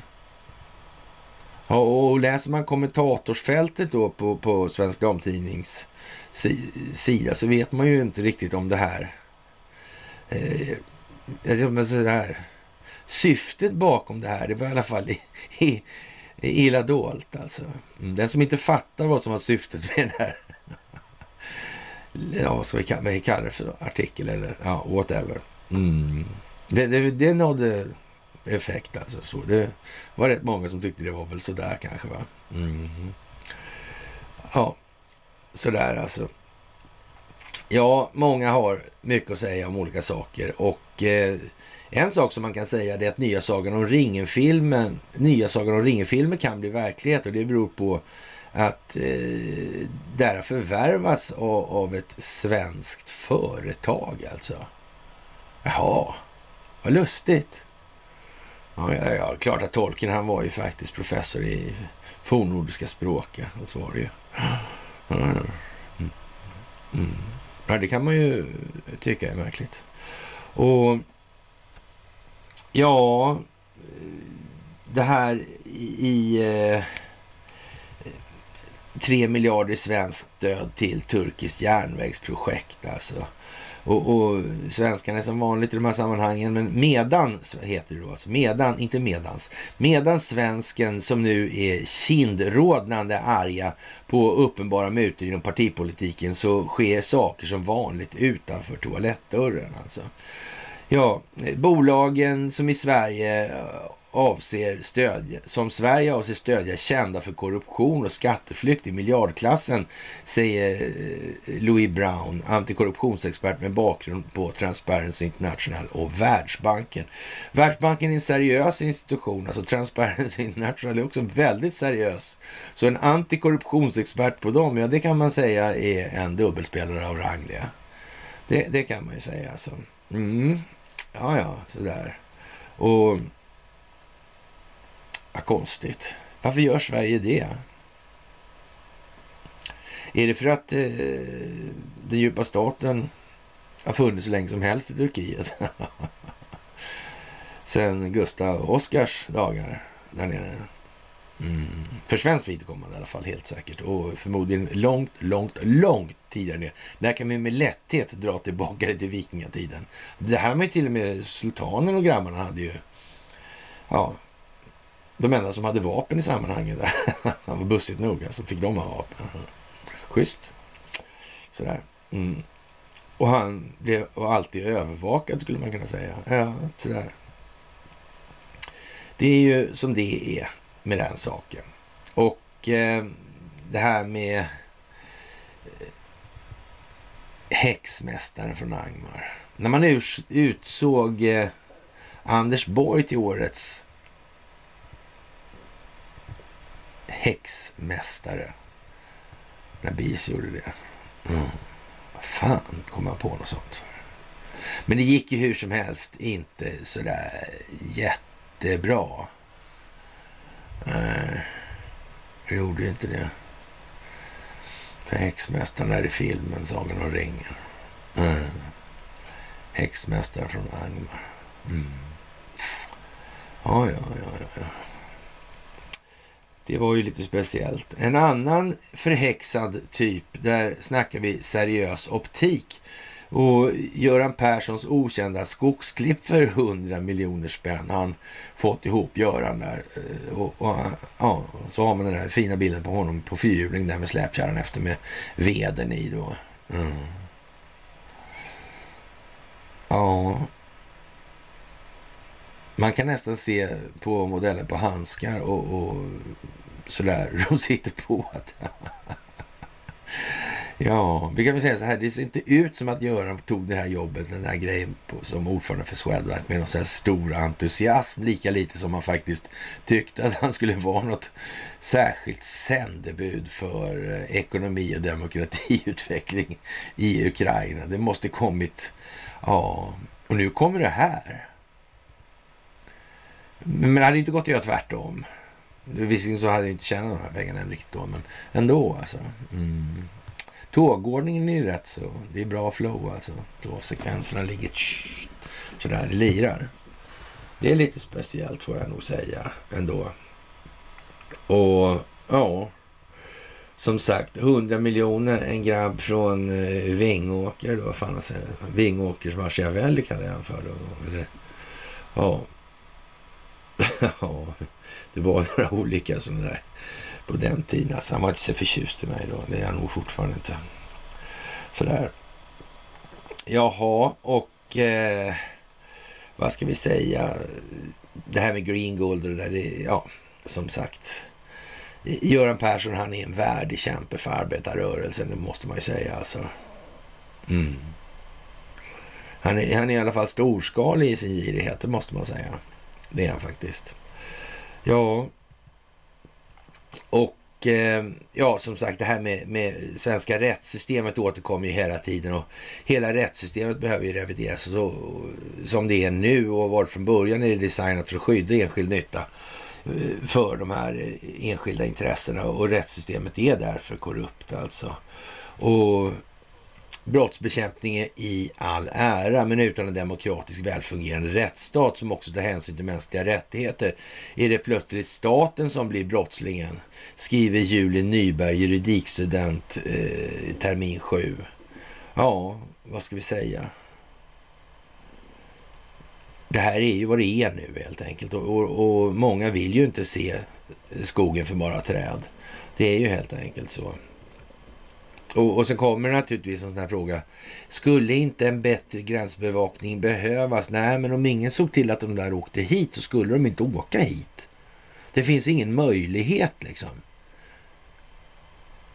De ljugs ju fulla med skit där nere sen kommer de hit och blir förbannade för att det var inte alls som de blev utlovade. Nähä. Det var ju konstigt. Hur, hur kunde det bli så? Omöjligt att begripa. Jättekonstigt faktiskt. Ja. Som sagt, there can be only one alltså. Ja, och det kommer en artikel om den här eskorten, alltså då, inte kvinnor som eskorterar då, utan det var flygplan som eskorterar. Och, och eh, man får nog läsa den här artikeln noga, så måste man tänka efter ännu mer noga gällande alternativa betydelser då. Bortom det här som först framstår som det nominella värdeladdningsinnehållet alltså. Och, och det här är bra tryckt eller vad, vad fan nu vill ha fram med det där. Men det är ju inget deras som ens eh, det kan liksom inte, det har ingenting med verklighet att göra, det fattar vem som helst alltså. För vid en av Försvarsmaktens övningar i Vidsel, alltså det är den här rakettestnings eller robottestningsanläggningen uppe i Norrland. Indien. Ja, under torsdagen sköt amerikanska bombplan med skarp ammunition mot mål på skjutfältet. Alltså. Det är första gången som en övning av det slaget genomförs på svensk mark. De amerikanska flygplanen var av modellen B52 Stratofortress, det är de stora alltså där. Eh, de eskorterades av svenska JAS 39 Gripen. Övningar som den här innehåller flera moment från samordning, samband, eskort i svenskt luftrum fram tills dess att verkanseld kan anges mot fientliga mål i Sverige. God natt alltså. Ja, ta mig fan alltså fientliga mål. Vem är det som har kontrollen på de här fientliga målen? Vem är det som ska bekämpas med målsökande bomber? Alltså man får nästan intrycket av att det är någon form av demoraliseringsinsats alltså för, om vi säger som så, inte allt för begåvade människor verksamma inom den djupa staten. Packa er ihop nu. Ta ner flaggan det måste gå fort. Vi tänker inte hålla på och öda en massa tid på att trassla med er förståelse. Nu får ni skynda på här. Tjas, tjas. Sapp, sapp. Ja, ja det, det, är ju liksom sådär eh, speciellt. Övningen blir ett kvitto på att hela kedjan fungerar, säger flygvapenchefen Carl Johan Edström i ett pressmeddelande. Eh, totalt fälldes tre bomber som träffade mål som identifierades av det total, svenska förbandet på marken alltså. Så delar av den svenska militären är trots allt då på något vis militära. Och, och sen tänker de säga upp sig inom en inte alltför avlägsen framtid, verkar det som också då. Åtminstone när det gäller de här eh, ja, flygchaufförerna alltså. Mm. Kriget i Ukraina har tydligt visat hur viktigt det är att ha förmåga till långsikt, långräckviddig bekämpning. Den förmågan vi nu övat höjer vår försvarsförmåga avsevärt och det är viktigt inte minst i ljuset av den svenska ansökan om medlemskap i NATO, säger Carl-Johan Edström förnumstigt.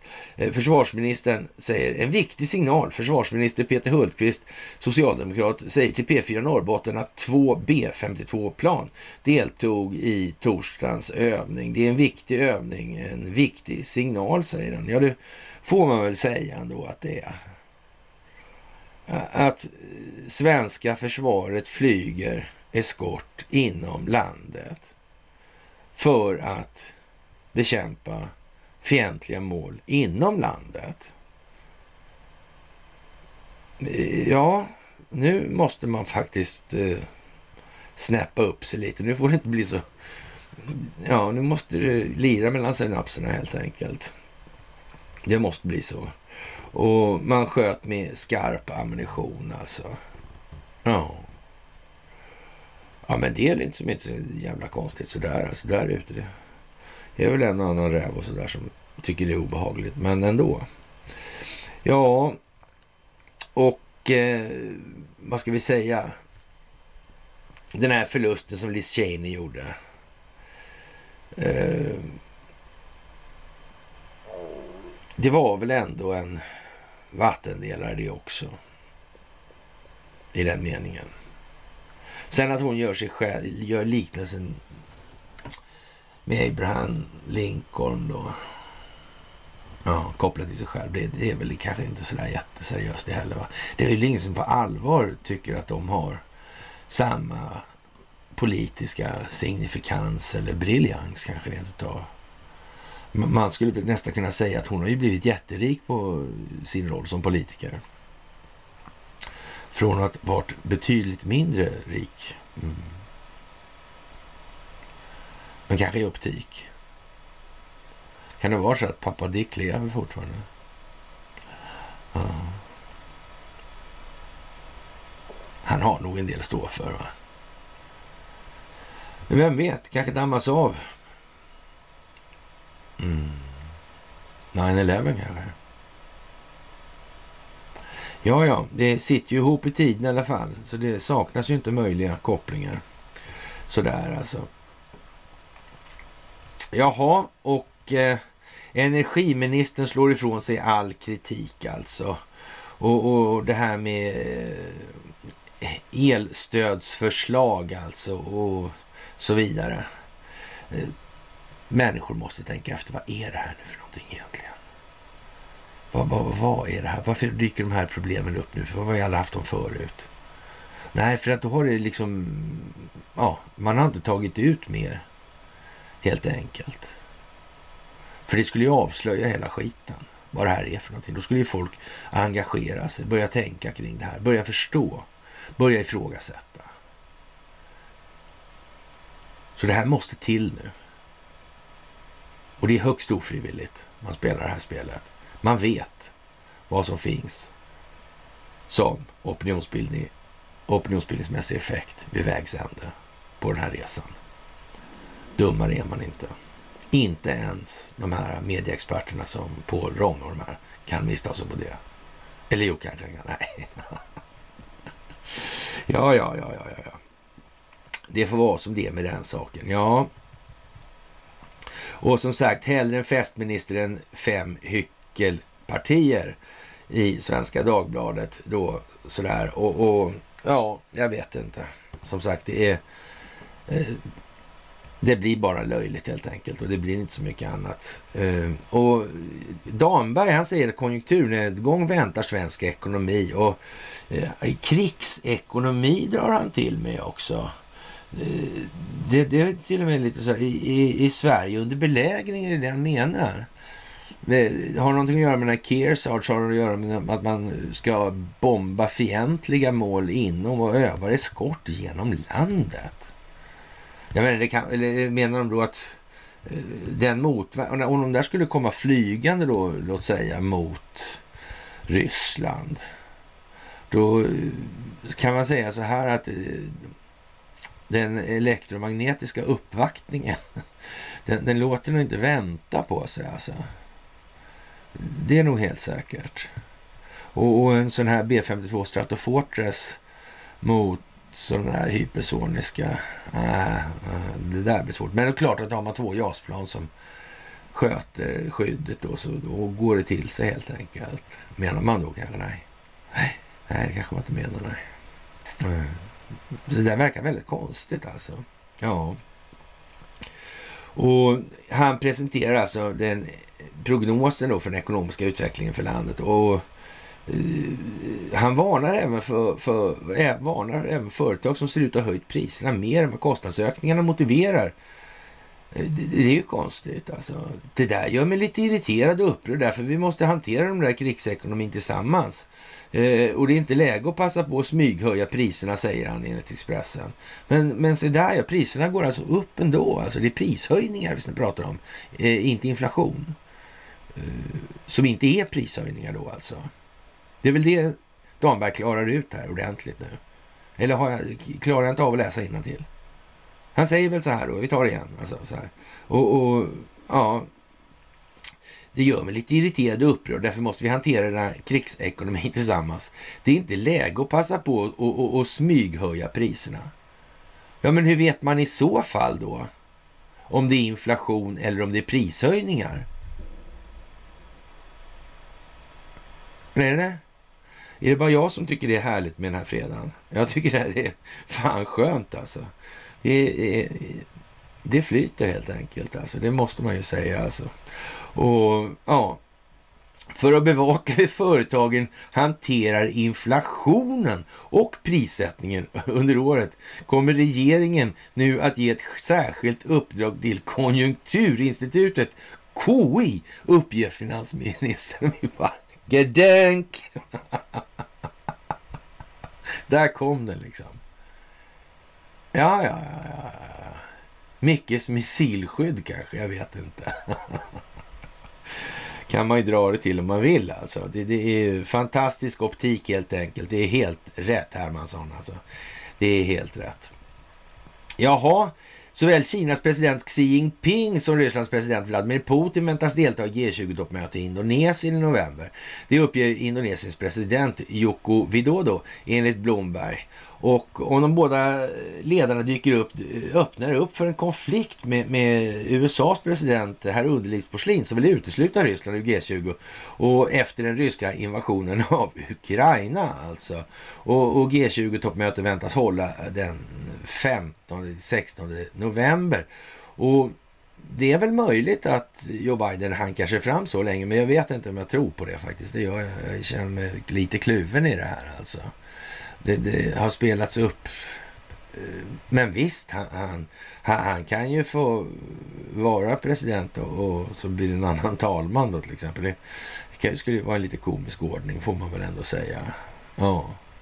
Och, och speciellt om det är de egna som plockar bort underlivsporslin. Då kommer aldrig någon i hela helvetet och, och kunna skylla på Donald Trump. Så är det ju också naturligtvis. Så den optiken går inte att ta miste på. Finns det inte en inbiten demokrat som inte håller med om att det var nog faktiskt det bästa i alla fall. Alltså. Man får, får ju välja. Alltså. Det är bättre att ta det mindre onda. Alltså. Så det vet jag inte liksom riktigt. Men det beror ju på hur långt man behöver dra det. Och det, det i sin tur alltså säger ju hänförligt till vilket opinionsbildningsmässigt klimat som råder i övrigt i stort alltså i USA internt och inhemskt. Det, det är ju liksom måste man tänka på då. Så det, man, det går ju att säga var vi ska någonstans. Det är ganska kunde för decennier sedan. Så, men sen vilka vägar tar det här nu då? Hur, hur ser opinionsbildningsklimatet ut i USA nu till exempel? Det går inte att säga eh, att det ska se ut så här om tio år. Det går inte att göra. Då måste man ha en kvantdator faktiskt. Det går inte. Det, man, man, kan inte överblicka det så det är för stort. Jorden är för stor och rund helt enkelt. Nej, förlåt. Det vet vi ju inte. Så. Mm. Eh, även om ingenting förändras i, i förhållande till vilket alltså. Ja, ja, ja, ja, ja. Det är tjusigt där alltså. Mm. Och eh, man elchock i södra Sverige. Lika dyrt att ladda elbil som att tanka. Alltså. Och så Jaha, ja. Och så lägger vi till då de här miljöaspekterna på tillverkning och den el som ska ladda fordonet som till exempel Karlshamnsverket ska eh, köra olja för att så. Men, men eh, verkar det inte liksom rätt uppenbart vad det här är för någonting? Det är ett folkbildningsprojekt alltså. Och, och det är klart att det, eh, ur några perspektiv så kan man ju säga så här, det går ju jävligt trögt inrikespolitiskt i USA som det här nu vi pratar om, till exempel Biden och de här grejerna. Mm. Det är inte moget kanske, de var inbitna demokraterna de är som de är. Även om, om eh, han Stelter, varför han fick dojan från CNN då. Mm. Ja, men, men, en inbiten miljörörelse, eller miljö... Eh, vad heter de? Miljötaliban där. Mm. I Sverige. Det, det går inte av för hacker. Nej. Jag gör inte det faktiskt. Och ja, mm, vad ska vi säga? Det här med Ericsson Report i USA.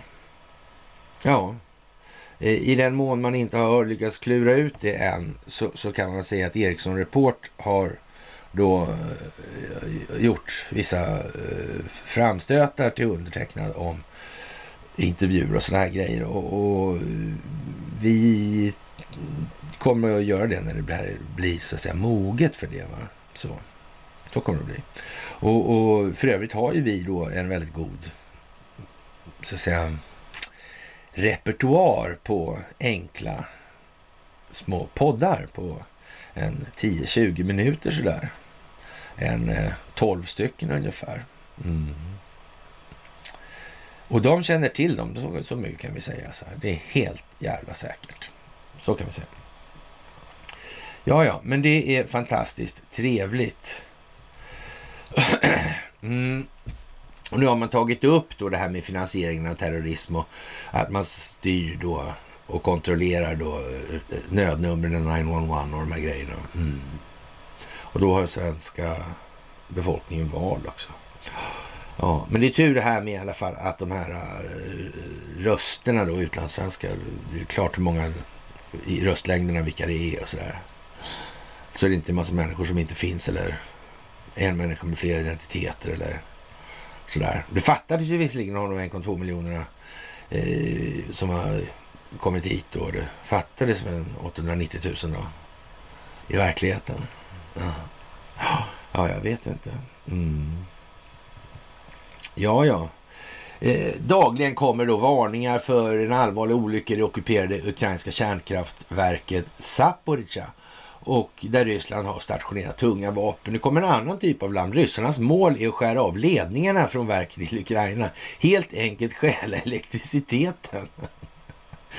Om det sker tvingas EU-länderna med sina skenande energipriser gå in och förse eh, Ukraina med stora mängder el. Ja, eh, det måste ju vara högt elpris för att det ska lönas för eh, Karlshamnsverket att producera el. Det måste vara över tre kronor där alltså. Och, och, och då ökar ju efterfrågan helt klart. Alltså, då kommer ju priset gå upp ännu mer. Då tjänar Karlshamnsverket ännu mer pengar alltså. Okej, okay, alltså. Då, då kommer ju Uniper bli jätteglada. Och, och, så. Och, och, men det har ju gått så dåligt för Uniper så, så Fortum kommer ju tappa sin andel där. Fan också. ja, ja, ja, ja. Situationen i och kring eh, Europas största kärnkraftverk, det här Zaporizjzja, är desperat. Två veckor, eh, två av verkets sex reaktorer fortfarande i drift sedan det intogs av ryska styrkor i början av mars. Alltså, det opereras av tusentals ukrainska tekniker under pistolhot från cirka 500 ryska soldater. Alltså, otaliga rapporter berättar om att personal som misstänks för ukrainska sympatier grips, förhörs i timmar och ibland torteras också. Mm. Samtidigt har ryssarna fört in haubitsar och raketartilleri bokstavligen i skuggan av reaktorerna. Därifrån attackerar de intilliggande städer och byar som kontrolleras av eh, Ukraina. Okej, okay. det var ju förnämligt alltså. Mm. Ja, ja, ja. Och eh, från platser inne, i, inne på kärnkraftverkets område beskjuter ryska styrkor omkringliggande ukrainska städer med raketartilleri alltså. Mm, det är väl med, räckvid, med avseende på räckvidden där som man, man tycker så. Ja. Men det där med runt omkring, det blir ju inte så där jättemycket runt omkring om man ska stå där inne tror jag. Det är inte övergradsbana på, på eh, varken raketartilleri eller på haubitsar. Det är ju själva prylen. Sådär. Även om en viss uppsättning på raketlartrit kan man tänka sig. Sådär. Men de är ju inte... De kommer ju inte seglande på samma sätt eh, som en ja, kulprojektil då. Det är ju liksom inte samma grej riktigt. Nej, nej. Ja, ja, ja som sagt, eh, de ukrainska styrkorna vågar inte attackera på, grund, attackera på grund av risken för en allvarlig olycka. En direkt träff på någon av reaktorerna skulle kunna orsaka enorm förödelse även bortom Ukrainas gränser. Ja, ja, ja, ja. Det är en duell där ena parten har händerna bakbundna. Eh, president Zelensky anklagar Moskva för nukleär utpressning. Det internationella atomenergiorganet IAEA har förgäves krävt att få besöka kärnkraftverket. För att kunna bedöma riskerna i helgen krävde 42 länder, ah, inklusive EU-länder, att de ryska trupperna ska dra sig tillbaka därifrån. Men trots pressen utifrån och trots de enorma riskerna har raketer och bomber slagit ner i området kring kärnkraftverket sedan i början av augusti. Ja, där de står, det är alltså ryssarna som skjuter på sig själva alltså. Enligt Ukraina. Ja. Det är ryssarna som står där inne och skjuter ju. Eller hur fan menar de i det här? Eller vad? Ja. Jaha. Den 4 mars intog ryska trupper kärnkraftverket i fråga då.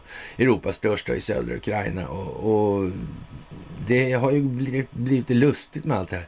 Mer tro, men mer trovärdiga uppgifter från ukrainska källor som bekräftas av internationella experter, han som Pissekoja eller Paasikivi alltså. Ja, det tyder på att det är Ryssland som angriper området med ett bestämt syfte att stjäla elkraften från Zaporizjzja. Okej. Okay. Ja, Tidningen Wall Street Journal med stöd av personal på verket Eh, ukrainska ledare och internationella experter har utrett i den första i serien av attacker som skedde natten till den 5 augusti. Enligt tidningen anade personalen oråd när ingenjörer från ryska energibolaget Rosatom plötsligt försvann från området utan förklaring. Oh. Ja, ja, ja, ja, ja. övervakningskameror fångade då den ryska attacken mot kärnkraftverket natten till den 4 mars. Alltså. Ja, det där var ju konstigt alltså.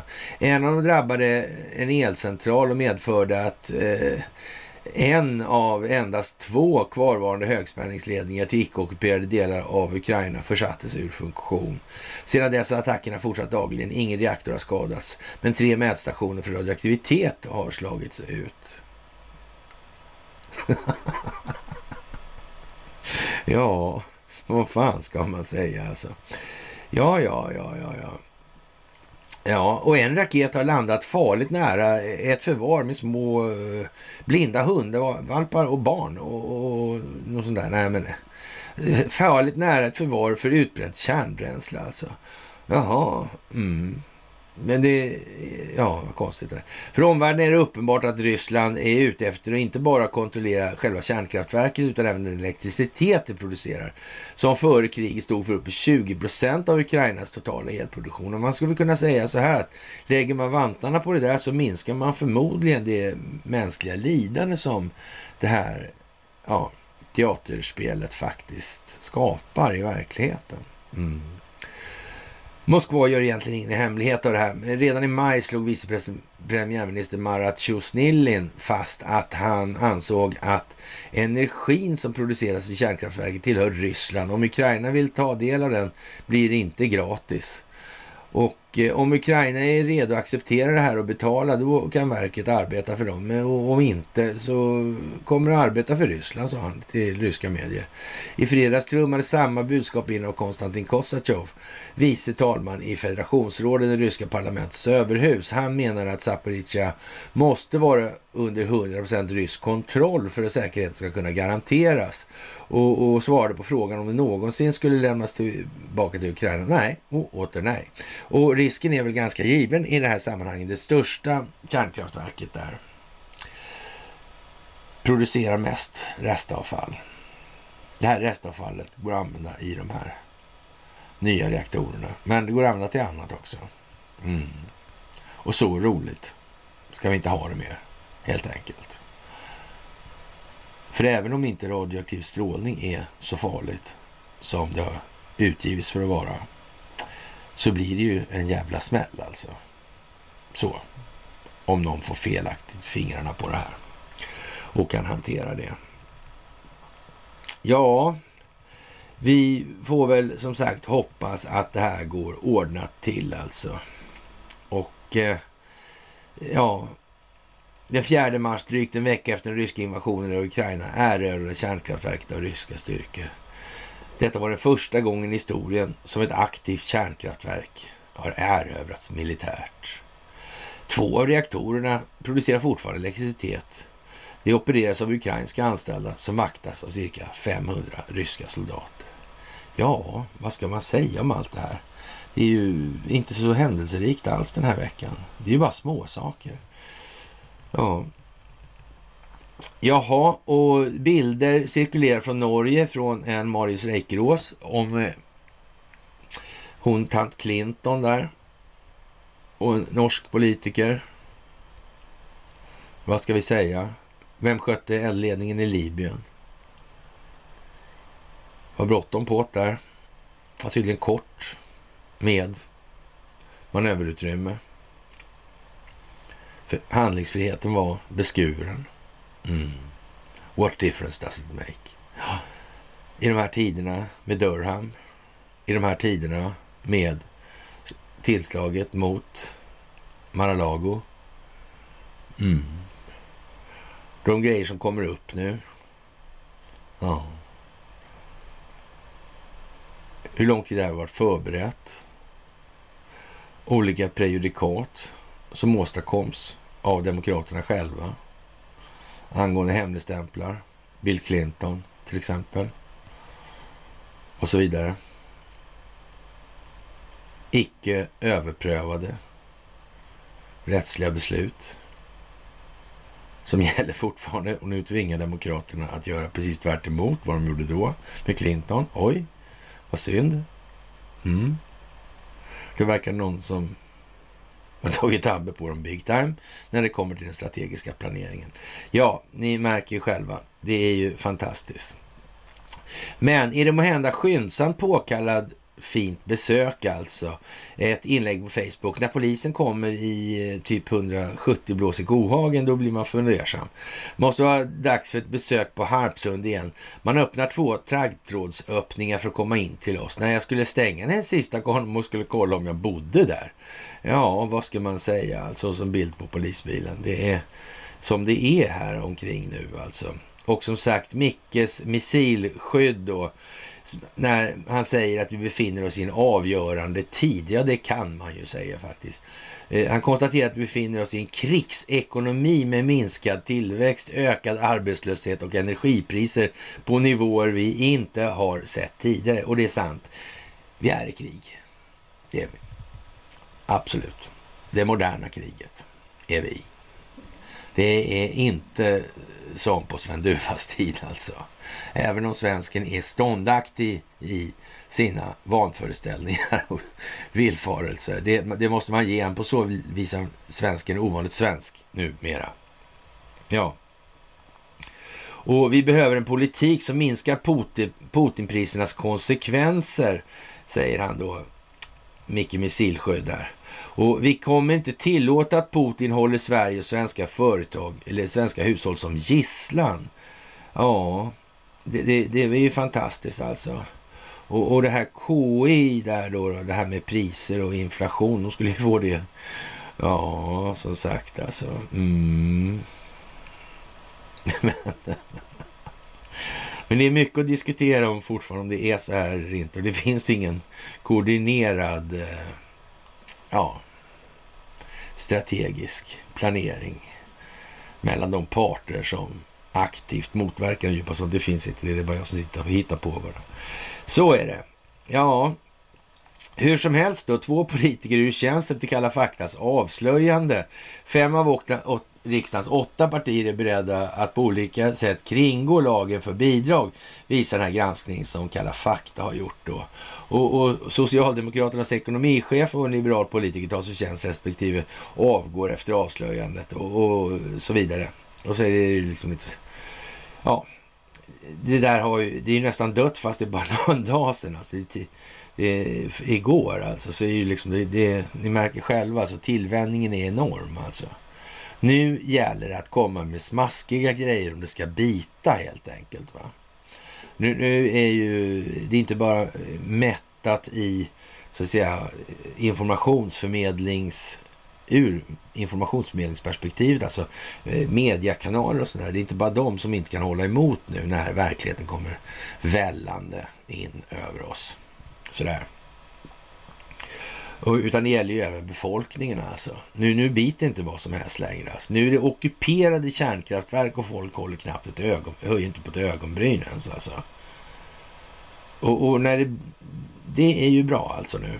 Nu biter inte skräckporren längre på samma sätt. Så. Mm, utan nu är det dumheten som biter istället. Sådär. Och ja, vad ska vi säga? Det här är ju liksom eh, de är sorgliga, ja, eller det är ju inget sorgligt alls. Liksom, partipolitik är vad det är. Och, och ja, man, man, får nästan lust att kalla det här gänget i horhuset där för eh, Karendi-baletten då. För, ja, det fanns bara Bergörskolor och kapten Karendi där som hade hand om lokalvården och var, var liksom så initiativrik och sådär skulle man kunna säga för ja, 50 år sedan. Ja, det är det nog. Ja, Putin-expert, eller säga, pensionsexpert i alla fall då. Regeringens stora reform blir en tumme i Dagens Industri. Alltså, det blir ingenting av det där skulle man kunna säga. Det bidde ingenting. Det slutar ju så, den här sagan. Det bidde ingenting. Ja, sådär ja. Det blir ju konstigt det här för Micke Damberg och Micke Missil alltså. Och sen lite grann är det dans på Valhall i natt som vanligt. Alltså sensationellt spår av vikingar i fjällen alltså. Ja, de rörde på sig de där. De.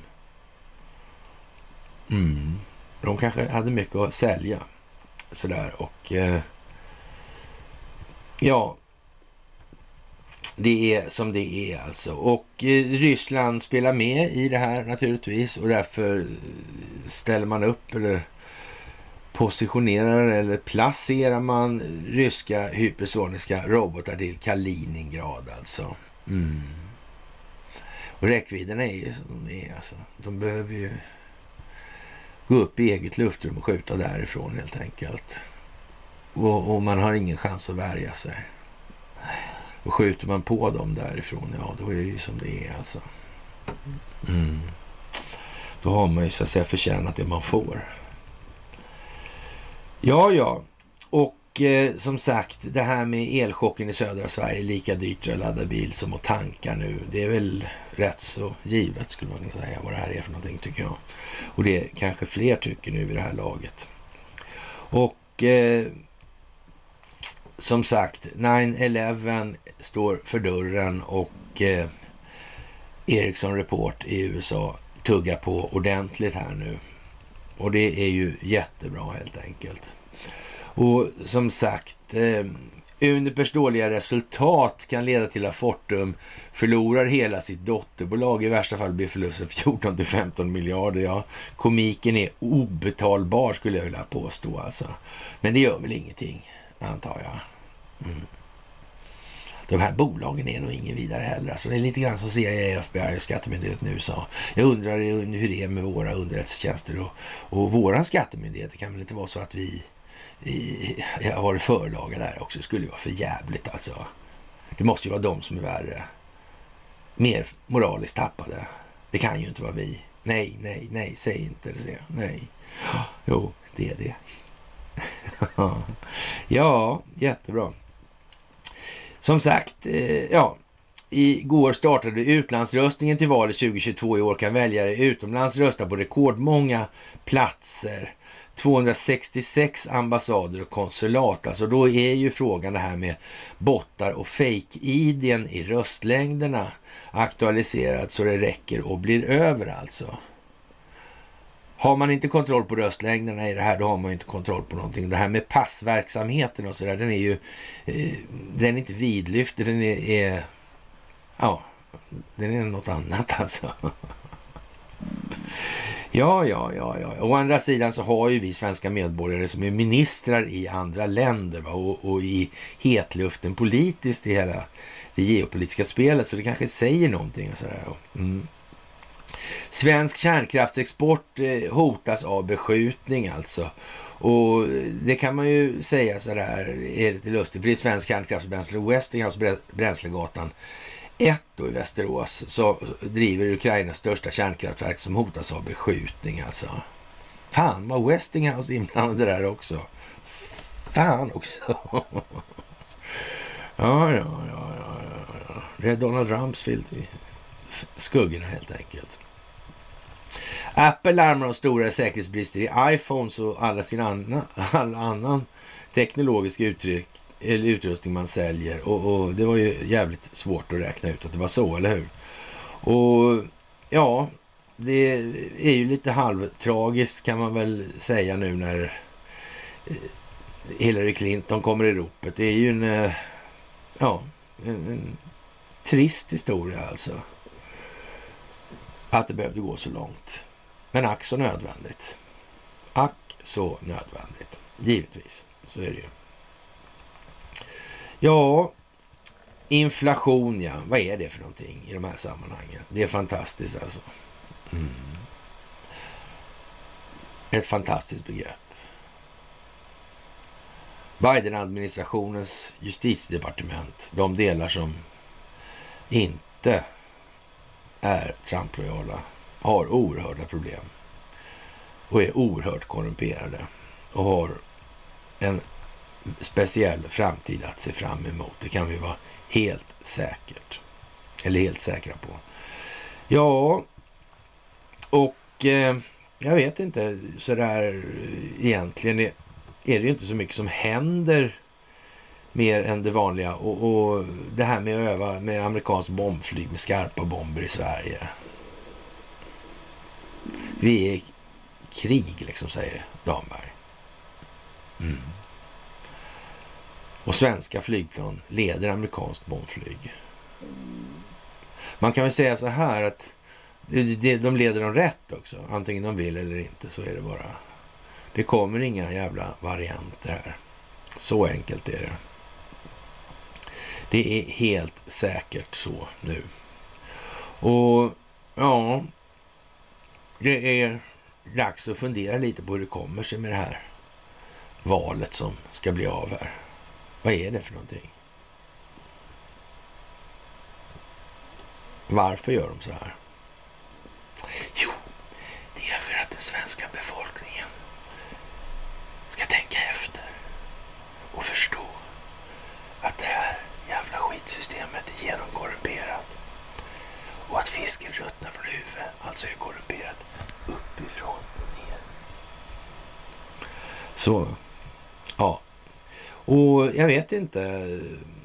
Man, det sägs ju att Ukraina har planerat en kärnkraftsprovokation till idag, men vi återstår att se. Om man sätter ut det i tidningen så har man ju i alla fall tillräckligt försvar för att det inte ska hända så mycket kan vi säga. Det, det, det är liksom så. Och händer någonting så är det i alla fall ingenting som är så farligt så det spelar en avgörande roll för ett, ja, många människors liv i alla fall. Det gör det inte. Sådär. Det är helt säkert. Och eh, som sagt, SVT presenterar ny tradition. Jul med Astrid Lindgren. Det var alltså hon som satt och pratade med han den där oh, soldaten under 13 faner som Stellan Bojerud skrev där alltså. Mm. Ivor Thor Grey alltså. Mm. Tarzan. Ja, ja, ja. Bra på bågskytte också dessutom. Ja, ja. Det kan man ju säga var speciellt alltså. Ja, kära ni det är väl de senaste dygnens eh, ja, sammanfattning. Man kan säga att det var ju faktiskt Ryssland som krävde att man skulle ha en internationell inspektion av den beskjutna platsen där. Och IAEA som sa nej eftersom det skulle framgå att det var Ukraina som sköt. Mm. Ja. Ja, ja. Det, det där med artilleribekämpning är lite svårt kanske. Det där är, är, inte alltid så lätt. Men som sagt, så fort en granat är i luften så är den upptäckt helt enkelt. Och sen kommer så här, svaret med vändande post direkt alltså. Ja, och det är dags helt enkelt för de stora grejerna nu.